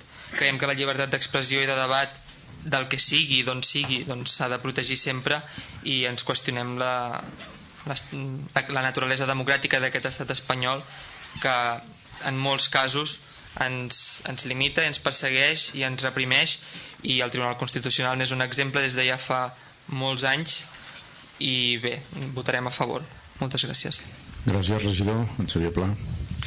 Bé, des de Més Tordera ho tenim eh, molt clar que no es pot restringir la llibertat de les diputades i els diputats del nostre Parlament i per tant doncs, hi votarem favorablement no podem acotar eh, els temes que s'hi parlen no podem acotar que no es parlin de l'autodeterminació, de la monarquia de la nostra sobirania de que, que apunta a vol anar el poble de Catalunya pensi com pensi i també, eh, si se'm permet, doncs, eh, fregant també una mica doncs, eh, el ridícul d'aquesta manera d'actuar i d'entendre doncs, el que ha de ser l'acció democràtica d'impossibilitar el debat des del Parlament de temes que van més enllà de la nostra sobirania però que sí que és bo des d'un punt de vista pedagògic i que formem part doncs, de la, del món, si se'm permet dir-ho, doncs, que no ens podem posicionar en temes com ara el de Turquia, no? per posar un exemple.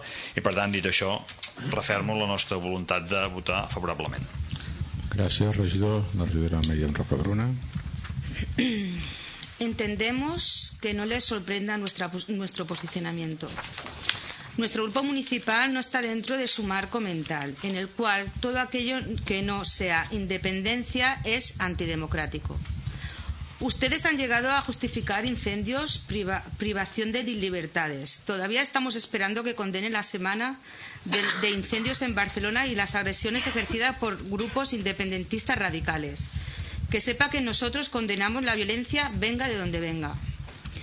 Es muy curioso que cuando la sentencia les va favorable no digan nada y cuando no les gusta dicen que vulneran la libertad de expresión.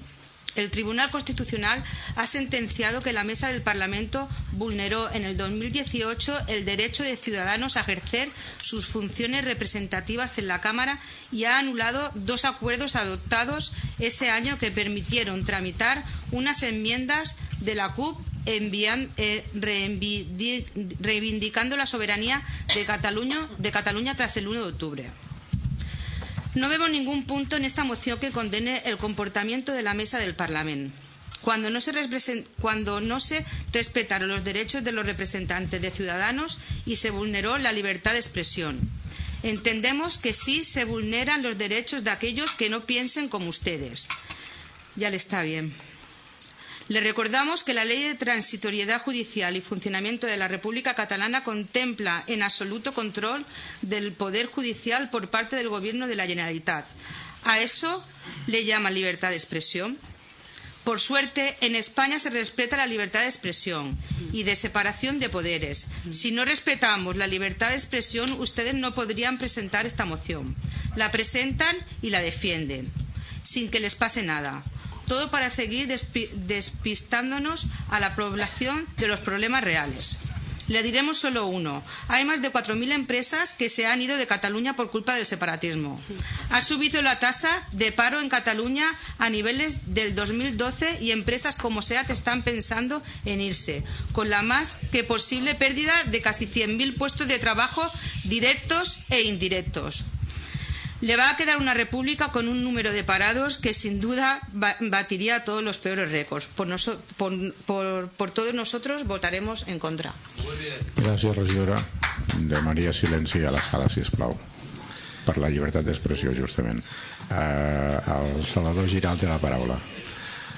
Sí, gràcies. Bueno, dic que compartim al 100% tot el contingut d'aquest text i en aquest cas també votarem de manera favorable i amb tots els respectes eh, no entenc eh, ni compartim en cap sentit l'argumentari de, del grup de Ciutadans que acaba de, que exposar. Crec que eh, no ha entès res del que planteja aquest text. Creiem, creiem que hauríem de, de tenir més clar que la llibertat d'expressió és i ho, ho hauria de ser com a mínim un dels pilars fonamentals de, del que és la democràcia i considerem inacceptable que es pugui coartar de cap manera, molt menys fent servir els poders jurídics de, com estem veient del Tribunal Constitucional. T'agradi o no t'agradi el, el, el que s'està plantejant. Des del naixement de, del que coneixem eh, com a llei Mordassa ja es veia que la deriva de l'Estat eh, era inquietant. Considero que la gent de Ciutadans també eh, ho han vist perquè eh, és una cosa que si, si no, no s'han adonat és perquè no viuen al mateix planeta que, que la resta de, de persones i crec que els últims episodis que estem vivint venen a confirmar que el més preocupant d'aquesta tendència repressiva de l'Estat.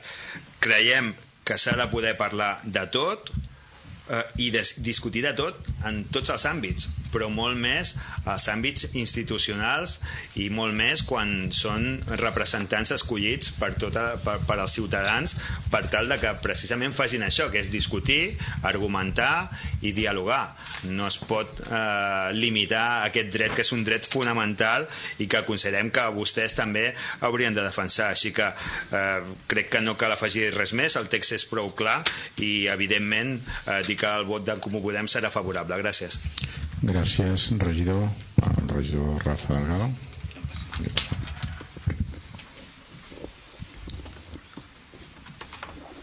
Bé, el, la nostra intervenció es centrarà estrictament en la moció. No parlarem de tot l'independentisme ni de tot mm, la història recent d'aquests anys, perquè aquí sí que tenim una qüestió. Nosaltres rebutgem alguns adjectius que s'han fet servir, com censura, repressió. Entenem que la llei i les seves conseqüències i la seva aplicació pot ser discutible, de fet hi ha tot un sistema de recursos i d'intervencions i que ens pot agradar més o menys, però nosaltres defensem la llibertat de que el Parlament de Catalunya, Consells Comarcals o aquest mateix ple pugui parlar de qualsevol cosa que afecti, que sigui d'interès als ciutadans i per això el nostre vot serà d'extensió. Ara bé, sobretot hem de parlar de qüestions que siguin d'interès per als ciutadans.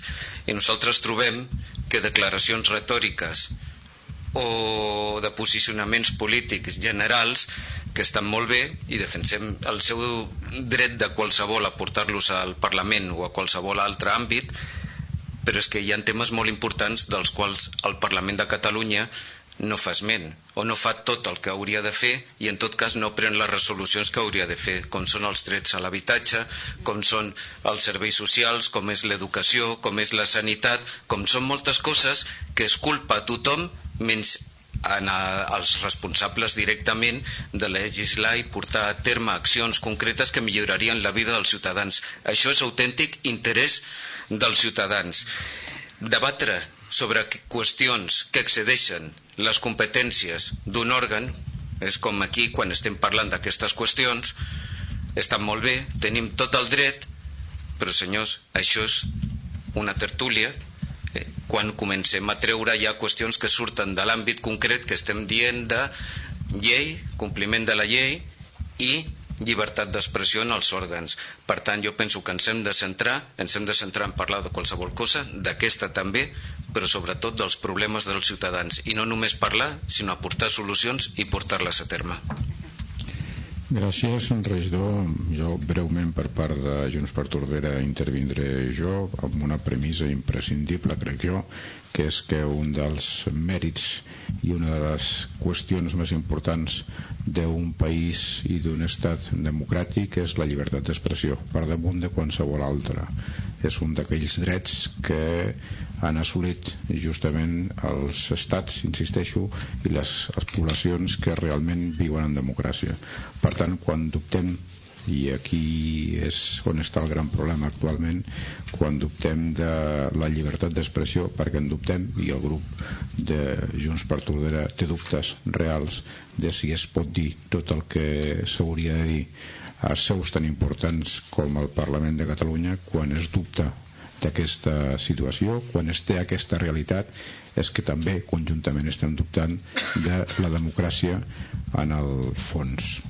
Per tant, eh, és evident, jo crec que eh, estem, hem entrat en una situació i en un bucle de qüestions absolutament estranyes eh, amb uns fantasmes que en moltes ocasions no existeixen però que han provocat que allò que s'hauria de poder debatre després una altra cosa els acords que s'arribin si són viables o no són viables si són legals o no són legals però si els s'ha de debatre i abans d'arribar a l'acord s'ha de poder debatre tot, absolutament tot una altra cosa, insisteixo, són els acords que s'arribin i sobretot si es legisla si aquella llei és, es pot o és constitucional en aquest cas o no ho és, però en tot cas s'ha de poder debatre com hem de poder debatre als ajuntaments. De fet, fa pocs dies ens queixàvem del fet de que per imperatiu havíem de fer un ple d'urgència eh, perquè havíem d'aprovar una cosa que ens obligaven a aprovar això és diguem manca d'autonomia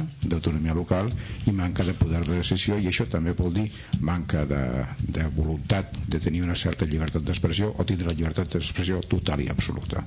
Per tant eh, hem vist el que hem vist durant aquests mesos. Hem patit en molts casos en primera persona el que significa la manca de llibertat d'expressió. Hem sentit en moltes vegades i també en primera persona com algunes coses s'autocensuren perquè hi ha una pressió, fins i tot una pressió, una pressió jurídica i il·legal que impedeix que moltes persones, i aquesta és la pitjor de les eh, imposicions de la llibertat d'expressió, que moltes persones ens autocensurem quan hem de dir alguna cosa perquè no hi hagin represàlies, represàlies i això és la cosa pitjor que li pot posar que li pot passar a una ciutadania.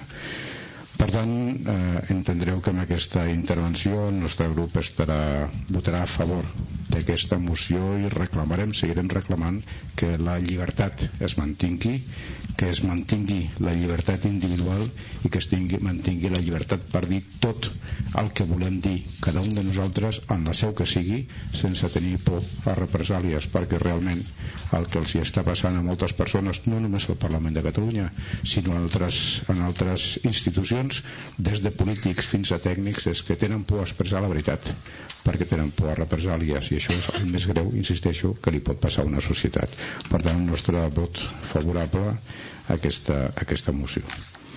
No sé si la regidora vol intervenir. No? No, no cal, em sembla que ha quedat tot clar, vull dir que per davant de tot hi ha d'haver-hi la llibertat d'expressió. Uh, la regidora de Ciutadans crec que aquí doncs, ha volgut uh, uh, treure altres temes que no eren ben bé d'aquesta moció, però bueno, vull dir, ella està en el seu dret de, de parlar del que vulgui, però els temes que ha comentat no eren uh, exactament de, concretament sobre la, la moció que estàvem provant avui, que es tractava bàsicament de la llibertat d'expressió en el Parlament de Catalunya. Perfecte, doncs, eh, si ho he comptat bé, aprovaríem perdó, la moció. Perdó. Sí, ah, sí. hi havia alguna intervenció més? No, puc contestar. Sí, sí, sí. endavant, endavant. No.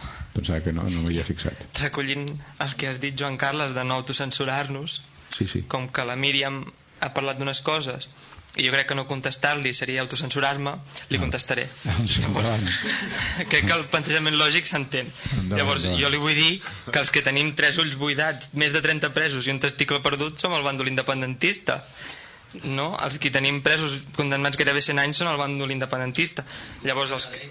Sí, el silenci del públic és imperatiu legal. Endavant, regidor. I l'Estat que no vol dialogar que ens retalla l'Estatut, que nega referèndums i que nega el pacte fiscal fa molts anys és l'Estat o el govern espanyol. Llavors jo voldria acabar amb una frase de Henry David Thoreau que deia allò desitjable no és cultivar el respecte a la llei sinó el respecte a la justícia. Doncs gràcies, regidor. Si la regidora Roca Bruna vol intervenir, té paraula, no la vol utilitzar, per tant sí que passem a la votació. Entenc que són 12 vots a favor de la moció, 3 abstencions i, una, i un vot en contra. Doncs quedaria aprovada i passem a l'apartat de comunicacions abans d'arribar a pregs i preguntes. Eh, recordaran vostès que el ple passat no van fer esment. Avui hem fet una intervenció llarga, però l'hem preparat diferent que altres plenaris justament perquè tenim la gran sort que al nostre municipi hi ha molta activitat, molta activitat social, molta activitat política i molta activitat eh, de les petites empreses, per tant passaria a fer l'apartat de comunicacions. Començant el terreny cultural, destaca l'organització de la Fira del Conte el passat 19 d'octubre i la presentació del documental Pregàries de Poder coordinat pel Centre d'Imatges Competició de Tordera. També felicitem a l'Associació Recreativa Peracot per la presentació del clàssic Maria Rosa de Guimerà i a l'Associació d'Artesans de Tordera per l'exposició organitzada la primera setmana de novembre. Durant els darrers mesos, dos mesos, s'han organitzat més de 25 propostes culturals des del Teatre Clavell i des de la biblioteca. En l'àmbit esportiu, més enllà de l'activitat habitual del cap de setmana, durant els dos mesos d'octubre i novembre han destacat les presentacions dels equips de futsal Tordera, l'Atlètic de Tordera Parc i el Club de Futbol Tordera. També mencionem l'Escola Badruna, l'Associació de Veïns de Fibra Color, el Cercle Història i l'Associació Adena per l'organització de les marxes populars i rutes culturals els darrers dos mesos. Finalment, en l'àmbit esportiu facilitem la selecció de patinatge al Club Patí Tordera per l'organització del Trofeu Vira de Tordera el cap de setmana passat. A l'apartat de formació destaca durant el mes d'octubre i novembre l'inici de l'Escola d'Adults, l'organització de sis cursos per professionals i persones en situació d'atur organitzats pel Departament de Promoció Econòmica i Ocupació i també cal mencionar eh, la bona rebuda del primer taller de pessebres organitzats pel Consell de Cultura que es realitza aquests dies al local Emili Vendrell en l'àmbit de la participació ciutadana, els mesos d'octubre i novembre s'han convocat les assemblees informatives del procés de pressupostos participatius, el Consell de Cultura, la Comissió de Pobillatge i la Comissió de Festes i la Comissió de, jove, de, de Joves de Festes. Cal assenyalar que durant el mes d'octubre van tenir lloc altres iniciatives ciutadanes i entitats que han rebut el suport de l'Ajuntament de Tordera a través de diferents serveis municipals. Destaquem així la Setmana Europea de la Lactància Materna, la campanya gratuïta per a la prevenció del glaucoma, la Setmana de la Gent Gran o la celebració de la festa de la Castanyada i de Halloween. I finalment comuniquem que en els mesos d'octubre i novembre els regidors de govern han atès 600 visites particulars dels ciutadans i una vegada més constatem que Tordera és un poble viu i actiu, com deia al principi, gràcies a tota aquesta activitat que ho fa possible. Dit això, sé que és llarg, però que valia la pena fer esment. Passem al, a l'apartat de pregs i preguntes. Comencem per l'Oriol Serra. Moltes gràcies. Referent a la remunicipalització de la llar d'infants, com ha avançat el procés des del darrer cop que se'ns va posar al dia? En quin punt de desenvolupament està el projecte de remunicipalització que van anunciar durant la campanya electoral municipal? Quin és el seu termini previst de finalització? Referent a, l'escola d'Orsavinyà, se'ns va fer saber que estava previst un canvi d'ubicació a Camp Pica. Es pot confirmar aquest canvi? Té algun cost per l'Ajuntament? S'ha consultat l'opinió de les famílies afectades? I si és que sí, quina està la seva opinió? Al passat ple ordinari del mes d'octubre es va aprovar per unanimitat la proposta de crear un acord de custòdia per la Roureda de Can Verdalet. S'ha realitzat alguna actuació o consulta al respecte? Referent a la contractació d'en Sergi Massó Martínez mitjançant contracte de serveis, quin argument tècnic o econòmic ha portat a contractar una persona que era el número 2 de la llista del seu soci de govern? Quines altres opcions de professionals o empreses van valorar per aquesta contractació i en el seu cas per què es van descartar? Si no es va contemplar cap altra opció, per què? Gràcies. Gràcies, regidor. Preguntes de ciutadans? No n'hi ha? Vale, D'acord. Doncs el Salvador Giral. Sí, gràcies. Són set preguntes i un prec. Uh, la primera, al ple passat, vam preguntar sobre la situació de l'abocament de runes als terrenys de camp de tir municipal. La resposta va ser que ja no hi havia runes i després de comprovar físicament que encara estan, uh, resten moltes tones de runa al mateix lloc, vam sol·licitar la següent documentació a través de registre d'entrada. Vam sol·licitar els informes tècnics dels responsables de l'àrea de medi ambient, el nom de l'empresa que s'ha encarregat de realitzar la retirada d'aquesta runa, el volum exacte de, de material re, uh, retirat, els averants i els justificants de la planta de residus que ha gestionat aquest material, la llicència de moviment de terres aprovada per l'arquitecte tècnica municipal necessària per dur a terme l'abocament de les tones de terra que s'aprecien en, en un augment molt important de l'extensió de l'espai. La pregunta és per quina raó no se'ns ha facilitat encara aquesta informació. La segona pregunta, consultant les actes de ple penjades al web municipal, ens hem trobat que les actes d'aquest any, 2019, no s'actualitzen des del mes de juny i voldríem saber per quina raó no estan disponibles aquests documents. Per altra banda, també ens hem trobat que a la carpeta de les actes dels plens de l'any 2011 no hi figuren aquestes, sinó que es troben les actes de l'any 2017. I a la carpeta de l'any 2002 no s'hi pot accedir directament perquè et demana un codi. Entenem que, que, és, que això és un error i vam demanar, o demanem aquest prec, aquesta pregunta, que per què s'havia produït aquest error i eh, vam sol·licitar que es resolgués. Hem comprovat, haig d'afegir que, hem, que hem comprovat que amb data el dia 26 de novembre, o sigui just abans d'ahir, després de que entréssim aquesta pregunta a registre d'Ajuntament, les actes han estat actualitzades fins a l'octubre d'aquest any, però la carpeta de l'any 2011 i totes les carpetes anteriors fins a l'any 2002 han desaparegut desaparegut. Així que afegim que ens agradaria saber què ha passat amb aquestes carpetes, de, amb aquestes actes de ple i quan estaran disponibles, sobretot. La tercera pregunta.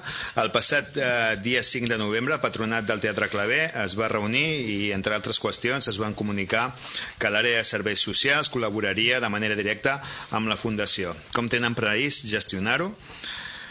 La quarta, en, en aquesta mateixa reunió se'ns va informar que la gestió de la Casa de Colònies de Maspanella continua sent deficitària i que calia buscar un masover per garantir la seguretat de la casa. Les preguntes són dues. Seria quin és l'import exacte que es paga pel lloguer d'aquesta propietat i quin és l'import que genera com a benefici. I la segona, com es realitza el procés de selecció dels futurs masovers d'aquesta propietat. La cinquena pregunta. A la legislatura pas passada, el nostre grup va demanar que es valorés la possibilitat de restringir la circulació en un sentit de la marxa en el tram del camí ral comprès entre la cantonada de l'Avinguda Fibracolor i el carrer Amadeu Vives i limitar la zona d'aparcament a tan sols una banda del carrer. A l'Assemblea de Pressupostos Participats de, de Tordera Centre se'ns va parlar, se va parlar d'aquest tema i el regidor responsable, en, en Rafa Delgado, ens va dir que ho consultaria amb el tècnic de via pública. Què han decidit respecte a aquesta proposta? La sisena pregunta, el servei de recollida d'escombraries continua amb els mateixos problemes de sempre, contenidors plens a vessar, brossa escampada, mobles i estres amuntegats, etc. Quines mesures han pres des de l'Ajuntament junt amb l'empresa que dona la servei per resoldre-ho? La setena pregunta. Usuaris del Servei de Transport Urbà de Tordera denuncien que en diferents ocasions no han pogut pujar els autocars de transport urbà de la concessionària Autocars Barrera davant la negativa dels conductors a facilitar-los l'accés per persones amb mobilitat reduïda. Les preguntes són les següents. Tots els vehicles que donen servei a Tordera estan adaptats per donar servei a persones amb mobilitat reduïda i si no és així, existeix alguna manera que aquestes persones puguin sol·licitar que els reculli un vehicle adaptat d'aquesta empresa quan el necessitin? I ja per acabar, l'últim prec, Tenim en compte, tenint en compte el mandat sorgit de la votació realitzada el passat 13 de juny del 2018 entre els inscrits de Podem Tordera, exigir una vegada més la dimissió de l'alcalde Joan Carles García Cañizares. Gràcies. Gràcies, regidor. Passem a Esquerra Republicana. Sí, a Esquerra Republicana tenim cinc preguntes, teníem quatre pregs. El primer prec cau perquè el que demanàvem ja s'ha solventat aquesta setmana, però n'hi afegirem una veu. Uh, les preguntes. En el darrer plenari es va votar unànimament la moció presentada per nosaltres, pel nostre grup, per instar l'Ajuntament de Tordera a pressionar la direcció de Correus en la millora dels serveis al municipi i voldríem saber quina actuació s'ha fet en aquest sentit. A més, voldria afegir que, mm, segons uh, informació que ens ve de treballadors de Correus, es veu que últimament s'estan acumulant els paquets i diuen que si seguim amb aquest pas, uh, molta gent tindrà dificultats per rebre els paquets paquets de, de cara a les festes. La segona pregunta, més d'una vegada hem denunciat l'abús de contractacions per urgències. Aquests últims dies o aquestes setmanes n'hi han hagut cinc, dues d'elles per a places de policia municipal, i volem saber quin procés de selecció passen les persones contractades en aquest cas i també del personal laboral que s'ha contractat darrerament. Li passo ara la paraula a en Jesús, que farà les altres preguntes. Endavant, doncs, Jesús Saltó. Bona nit a tots. Donat que el Departament de Seguretat i en concret la Policia Municipal el forma un nombre molt important d'interins, celebrem que s'hagi publicat mitjançant edicte número 2019 barra 6689 de data 20 d'octubre l'oferta pública de torn obert per a tres places d'agent de policia. A més, si no anem errats, hi havia també en l'anterior mandat una oferta similar de 8 places més. Quan tenen previst fer el concurs oposició? Serviran aquestes places per eliminar les places d'interins que hi ha actualment i en cas de que surtin aprovats, quin serà el nombre d'agents que aniran a l'Escola de Policia de Catalunya cada any? Un altre és, darrerament el Ministeri de Fomento ha informat que expropiarà terrenys per fer les obres de millora de la Nacional 2 entre Can Bartolí, Tordera i Massanet. Quants diners es preveu que rebrà l'Ajuntament dels terrenys de propietat municipal per aquests motius? Gràcies. Gràcies, el regidor. I ara la cinta. Endavant. Ah, Natàlia Pérez, endavant. Gràcies.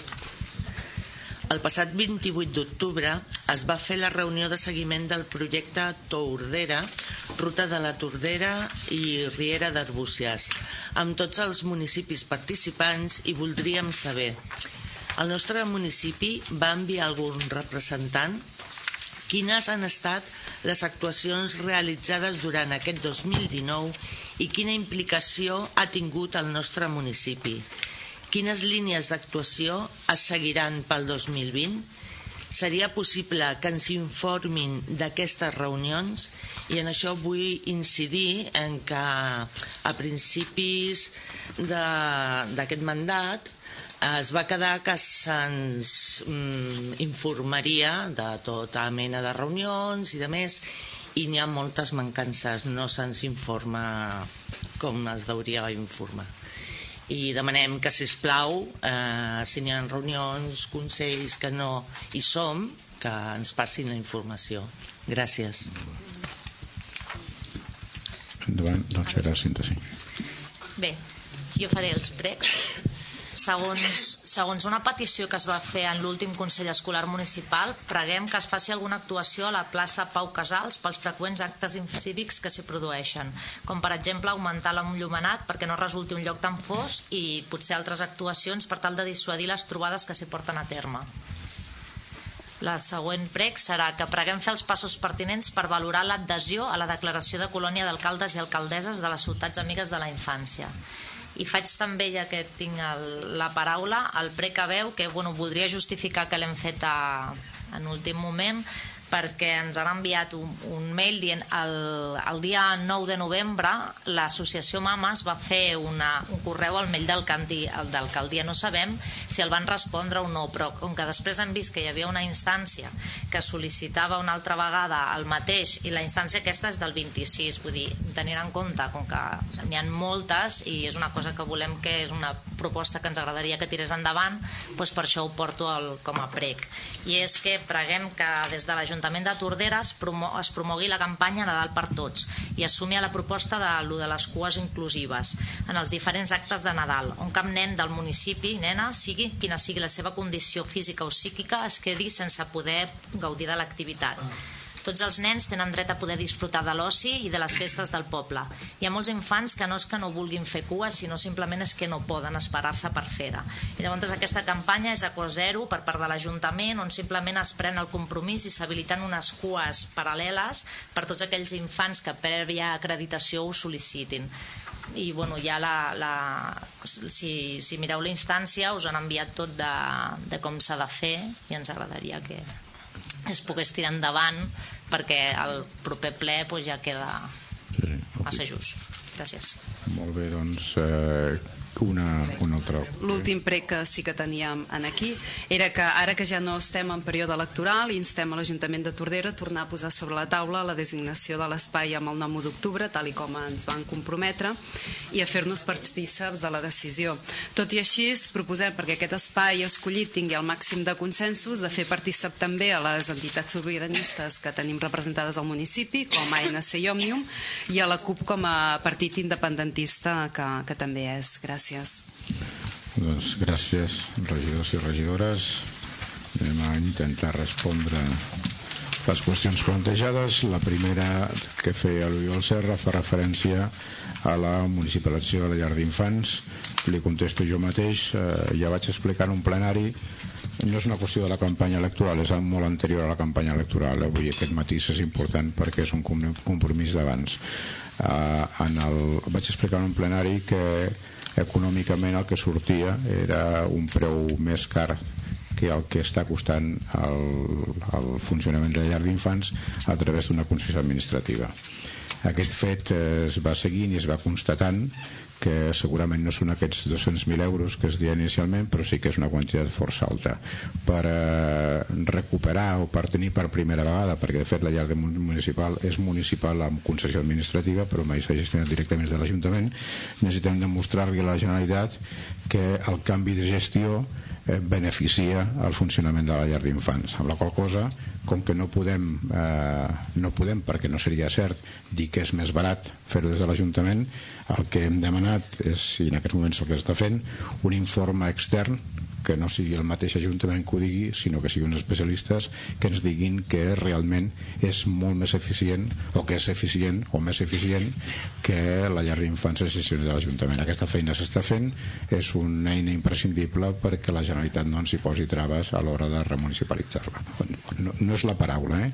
perquè la llar d'infants és municipal, per tant no remunicipalitzem sinó que no recuperem o que no tornem a posar la concurs per concessió administrativa. Una altra qüestió que presenta el, el regidor que fa referència a l'Escola Sonya, el regidor Pau Mejías. Sí, gràcies. Uh, bé, com vaig dir ara fa unes tres setmanes en el Consell Escolar Municipal, uh, comentar que s'estan fent els tràmits pertinents uh, per veure quina ubicació pren a l'escola Ursavinyà de forma definitiva.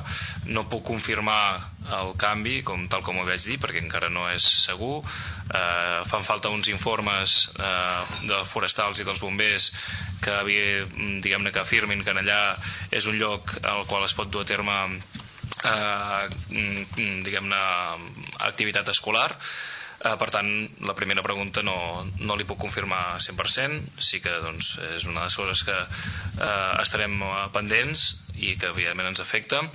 Dependrà el tema del cost de l'Ajuntament, doncs dependrà segurament doncs, si s'ha de fer algun tipus d'actuació o no, eh, en aquest sentit, i per altra banda doncs, les opinions de la família. Sé que les famílies doncs, estan al corrent. És un tema que, que ja fa temps que, que, que es parla en els consells escolars de, de l'escola Ursavinyà i per tant com que tenen representació de, de les famílies doncs és una cosa que, que hi estan al corrent i que saben eh, i que en són conscients que com que l'escola eh, ha de sortir diguem-ne de, de l'ubicació que té ara, ara mateix doncs és l'opció més viable per mantenir l'escola dintre, de, dintre del parc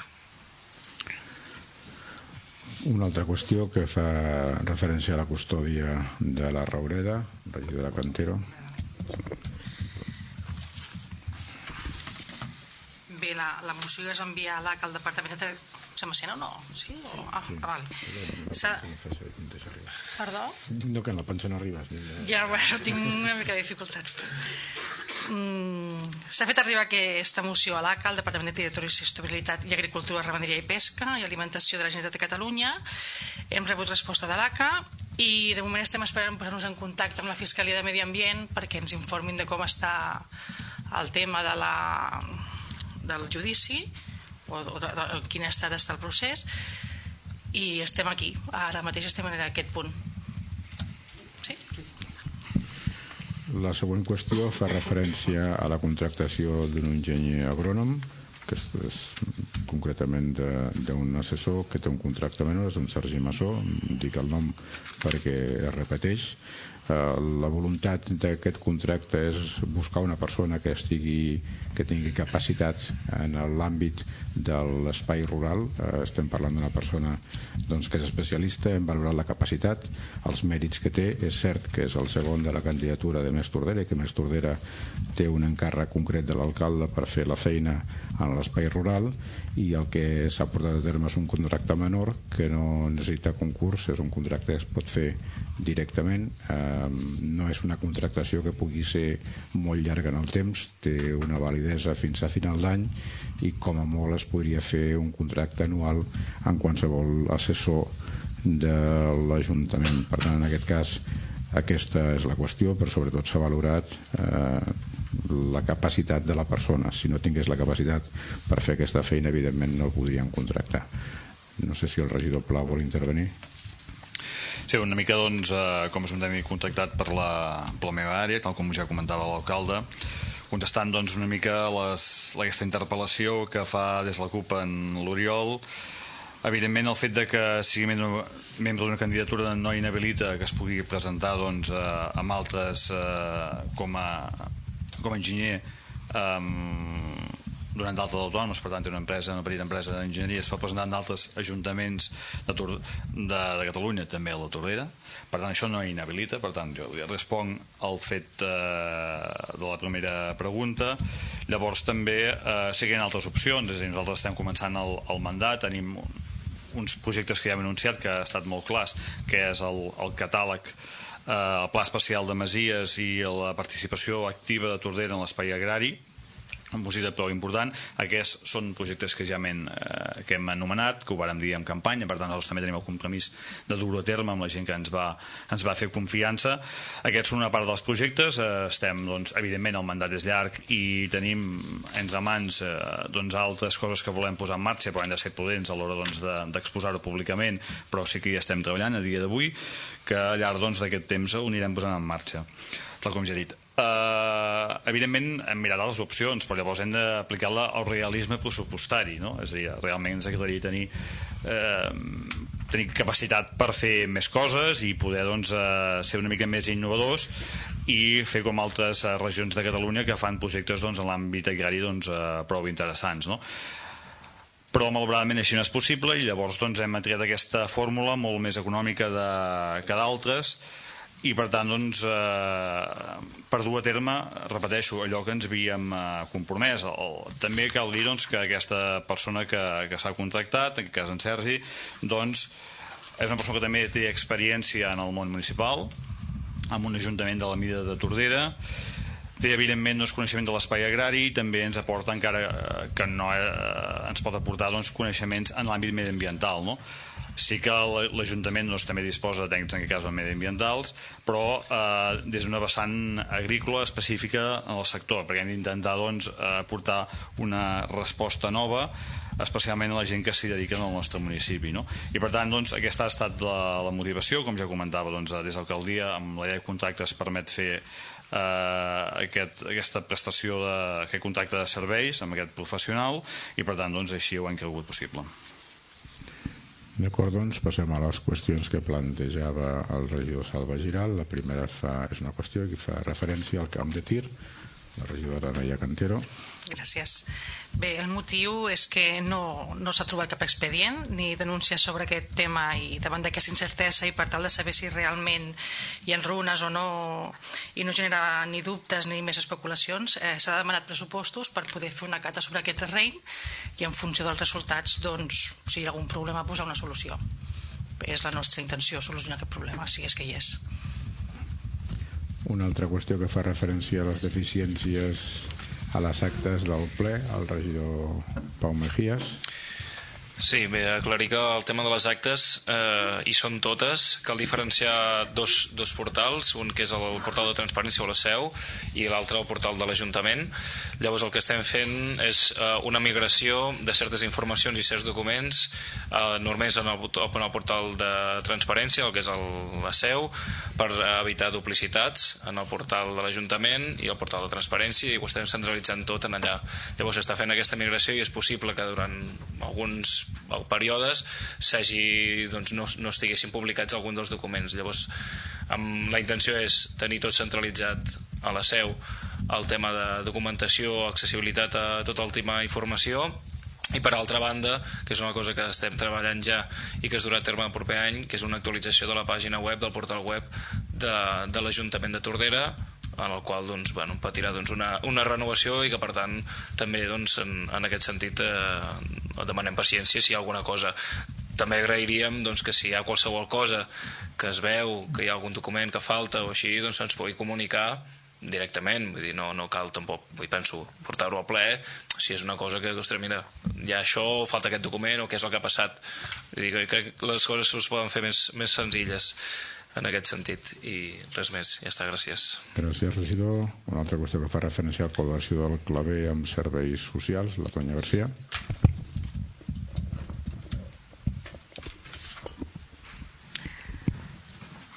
Bueno, explicar que és un projecte que es farà des de Serveis Socials i la Fundació El Claver. Com vostès ja saben, a la Fundació Claver en aquest teatre eh, fan sensibilització artística eh, que és dels nens de 3 a 6 anys. Creiem que és un projecte que és molt bo, que treballa a través del lloc les quatre arts, que és Belles Arts, música, interpretació i dansa. Creiem que era un projecte molt important i que el centre El Caliu que és el centre que, que tenim a serveis socials, podíem aprofitar uh, aquest espai per fer-li arribar als nens i empoderar-los d'aquestes arts per a fer-los millors persones que es, tractava de, que es tracta d'això. El projecte començarà en el segon i tercer trimestre i bueno, veurem com funciona i al final, de, al final del curs ho valorarem. Una quarta pregunta que fa referència a Mas Panella, el regidor Josep Llorenç.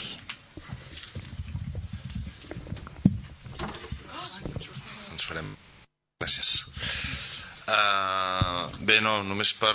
M'ha sorprès una mica que la pregunta fos aquí perquè és un tema que la gestió la porta la Fundació i que per tant l'àmbit de decisió serà el patronat i no entenc que no es fes la pregunta allà i ara la féssim aquí.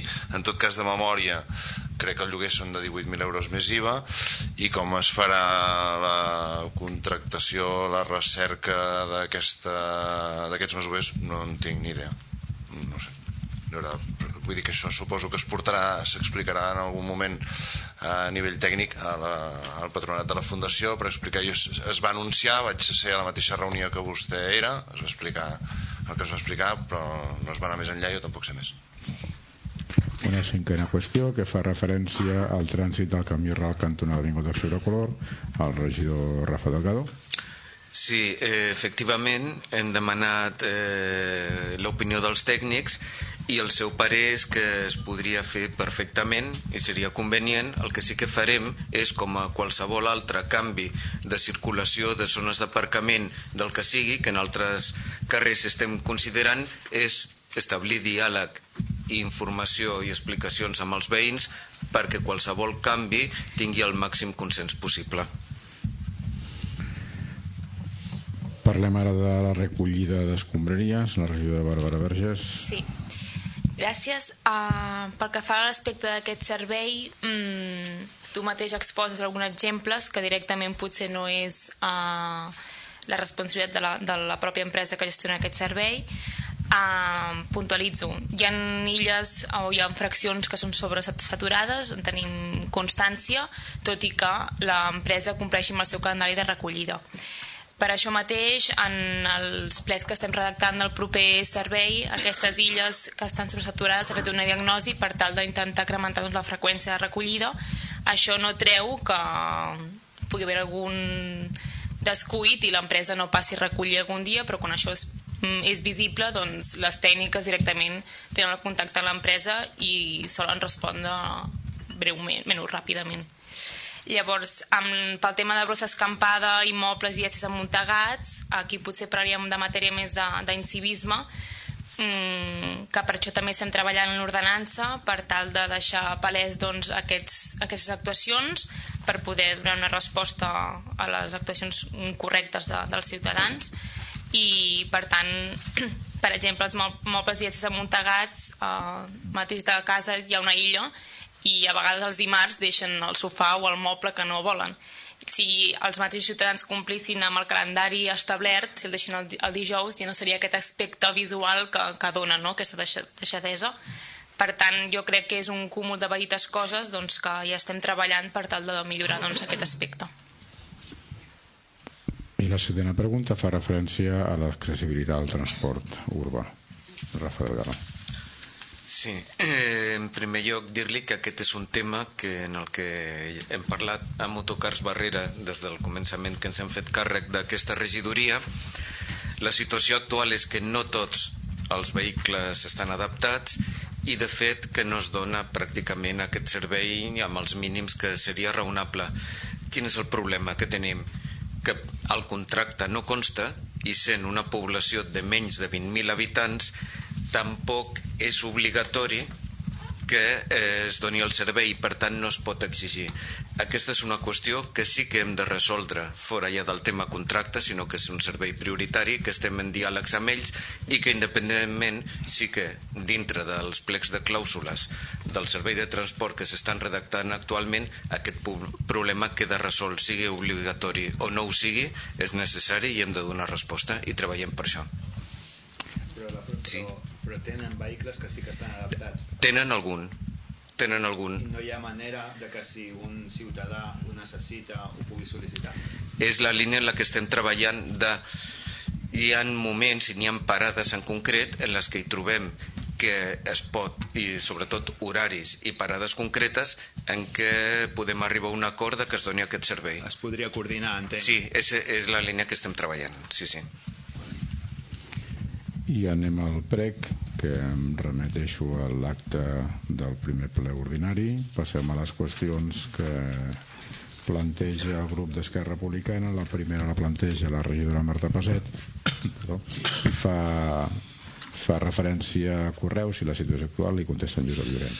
Sí, gràcies. No, bé, eh, hem traslladat, eh, ja ho havíem fet amb anterioritat i em sembla que ho vam explicar el, en el ple que vam, que vam aprovar la moció, però hem traslladat l'acord de moció i hem reiterat de nou les mancances que veiem a l'oficina de correus, al cap d'oficina de correus de Catalunya, que és amb qui mantenim eh, contacte i esperem doncs, que en breu ens facin alguna proposta per, de, de millora.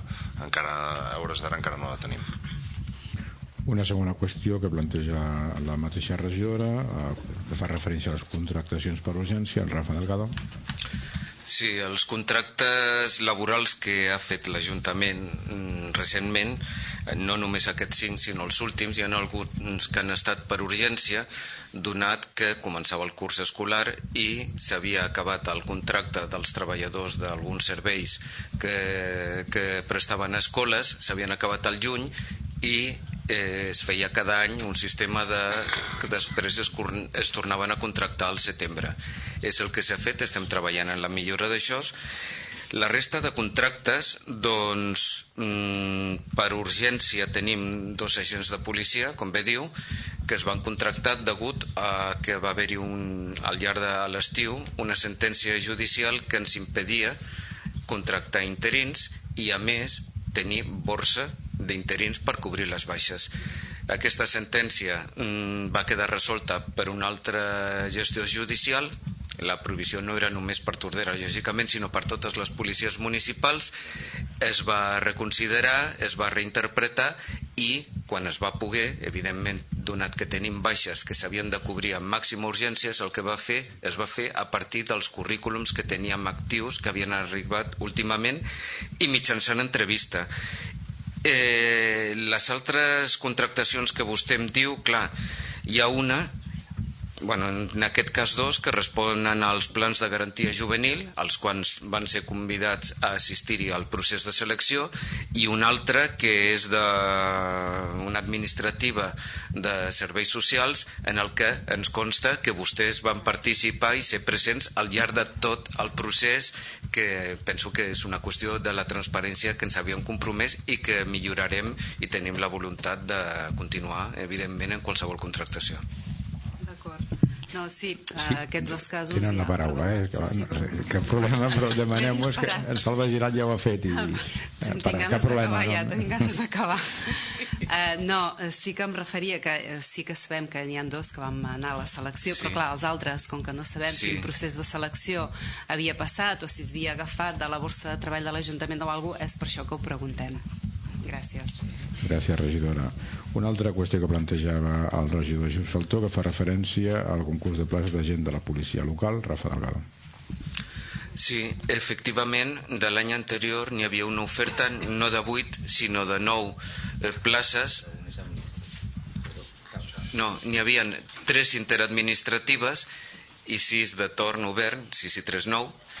Eh, llavors el que han fet és afegir-hi 3 més eh, tenim les bases ja redactades, pendentes de publicació i per tant eh, l'oposició es duria a terme, calculem que cap al mes de gener. Efectivament, la voluntat i la necessitat de fer tot aquest procediment és que tenim quasi bé la meitat de, de la plantilla en situació d'interinitat i, per tant, el pas previ a poder fer la formació a l'acadèmia és que siguin agents de policia que hagin passat una oposició.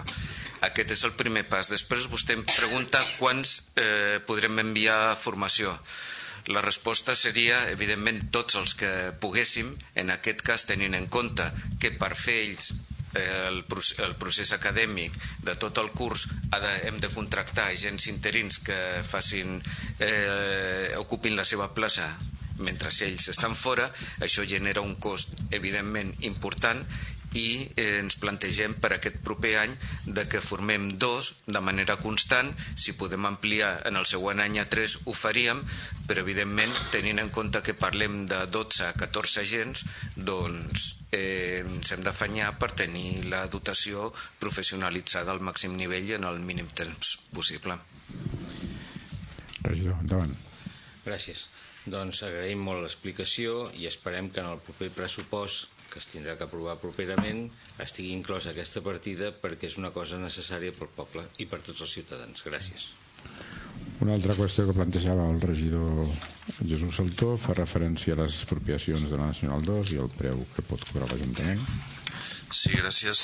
Uh, bé, les finques afectades per aquestes expropiacions que, que corresponen a l'Ajuntament són totes camins i passos públics que tenen valor cadastral zero, per la qual cosa no cobrarem ni un duro. Gràcies. Anem a una cinquena pregunta que fa referència a la Tordera, a la ruta Tordera, a la regidora Nadia Cantero. Gràcies. Bé, uh, ens pregunta que si del nostre municipi es va enviar algun representant, sí, va venir la tècnica l'Anna Pou, quines han estat les actuacions realitzades durant el 2019 i quina implicació ha tingut el nostre municipi. Eh, Dir-li que bueno, nosaltres, des d'aquí, hem fet el manteniment, com és la desbrossada de la vegetació del passeig fluvial, la retirada de residus, el manteniment de la valla de fusta, la reparació d'actes vandàlics. Per aquest 2020 tenim previst fer un, ens falta un marcatge del tram des de Renfe, Pont de Ferro i el Toro, eh, continuar amb el manteniment, eh, fer-ne difusió juntament amb el Consell Comarcal, també a l'última reunió a la que es va assistir es va proposar si a la web es podria mm, estudiar que es posés a la web una, un servei de biometrologia, perquè com tenim zones inundables i tot, i en quant a la pregunta de si seria possible que s'informin d'aquestes reunions, es refereix a que perquè li convidem a venir, que li passi després l'acte, que... A veure, si puc venir, millor. I si no, almenys passar la informació. Doncs que, no sé, bueno, miraríem la convocatòria, qui, qui ha convocat. De totes maneres, jo si vol li passo l'acte, eh? Ah. Que me la pot demanar en qualsevol moment, ah. quan vulgui. Gràcies. Passem a l'apartat de, de pregs que fa Esquerra Republicana, un que s'havia retirat, un altre que fa referència a l'actuació a la plaça Pau Casals, aquest el feia la Cinta Alcàsser, i li contesta Pau Mejías. No. Eh, bé, tal com vaig comentar en el Consell Escolar Municipal és una de les coses que ja havíem parlat i havíem abordat amb l'equip de govern i és evident doncs, que si han, ja fa unes setmanes que s'hi van fer unes actuacions. Eh, una va ser el podatge dels arbres que hi havia allà una segona que s'ha incrementat la il·luminació i per altra banda s'ha incrementat també la presència policial amb el pas de freqüència en aquella zona de moment veurem quin és l'efecte d'aquestes tres accions que s'han pres en aquest sentit i si cal doncs, prendre alguna altra mesura més, doncs així ho farem. Saltem una mica l'ordre, ja que té el micròfon, perquè hi ha un prec que s'ha fet al moment, durant el plenari, que fa ah, referència a l'expressió sí. mames i ja aquesta... Correcte. Sí, uh, la informació l'havia rebut, uh, n'estem al cas, estem d'acord amb, en el fons, però no amb la forma val? perquè si estem parlant d'inclusió parlem amb inclusió al 100% i penso que fer una fila eh, específica per a aquest tipus d'infants és etiquetar-los i és posar-los eh, seguir la diferenciació llavors per això en aquest sentit vam descartar adherir-nos en aquesta iniciativa però sí que vam abordar el tema de, de l'inclusió i m'hi d'aplicar el màxim de accions possibles perquè tots els infants doncs, puguin gaudir de, de la festa de Nadal en els diferents àmbits eh, però sense doncs, seguir amb, amb aquest etiquetatge o amb aquesta diguem-ne diferenciació de, del reste. Vull dir que ja es prendran mesures i en aquest sentit doncs, treballarem per tal que tothom pugui disfrutar-ho. Llavors eh, em pensa que anava a alguna cosa res. Hi havia un altre prec que fa referència a les ciutats amigues de la infància, que també fa la mateixa regidora, contesta la Tonya Garcia. Ah, la Al final la faig jo, sí. Ah, eh, així, no. Bé, estudiarem la, la proposta. Eh, també agraeixo a la senyora Alcácer eh, la informació passada fa uns dies.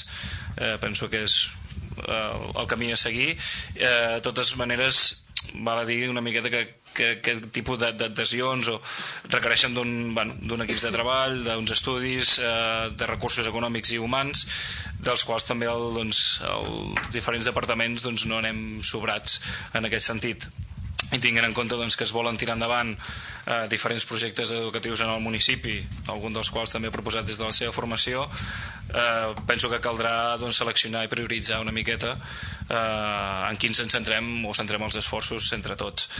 De totes maneres, de totes maneres mm, l'insto a parlar-ne a la propera reunió que, que tenim planificada per, per trobar-nos i per parlar també juntament amb la tècnica d'educació eh, per tal de veure doncs, quines accions prenem i si finalment ens hi adherim. Doncs gràcies. Passem al darrer prec, que el contesta en Josep Llorenç i que fa referència a l'espai 1 d'octubre. Sí, no, per dir que perfecte, em sembla perfecta la proposta, que com més siguem doncs, per tornar a definir o si s'ha si de canviar o s'ha de redefinir l'espai, el què i el quan, de fet, perquè amb les eleccions es va alterar una mica els terminis que teníem previstos, doncs encantat que s'incorpori més gent. Val. Endavant, regidora. Sí, perdona, mm, entenc que llavors ja ens avisareu per fer una reunió i, i poder-ho parlar, oi? Correcte. Vale, ja està. Gràcies. Doncs no hi ha més qüestions, no hi ha cap del públic que s'hagi presentat, per tant acabem aquí. S'han de fer per escrit 48 hores abans. Per tant, no hi ha més preguntes, s'aixeca la sessió. Doncs acaba aquest ple ordinari de l'Ajuntament de Tordera, un ple que doncs, acaba amb aquest torn de pregs i preguntes. Eh, S'han aprovat per unanimitat diversos punts, com el cas del document únic de protecció civil municipal. També s'ha aprovat per unanimitat l'adhesió al protocol comarcal per l'abordatge de la violència masclista i també la moció que presentaven els grups d'en Comú Podem i la CUP en, la, en referència a la fiscalització dels polítics i càrrecs eventuals de l'Ajuntament de Tordera.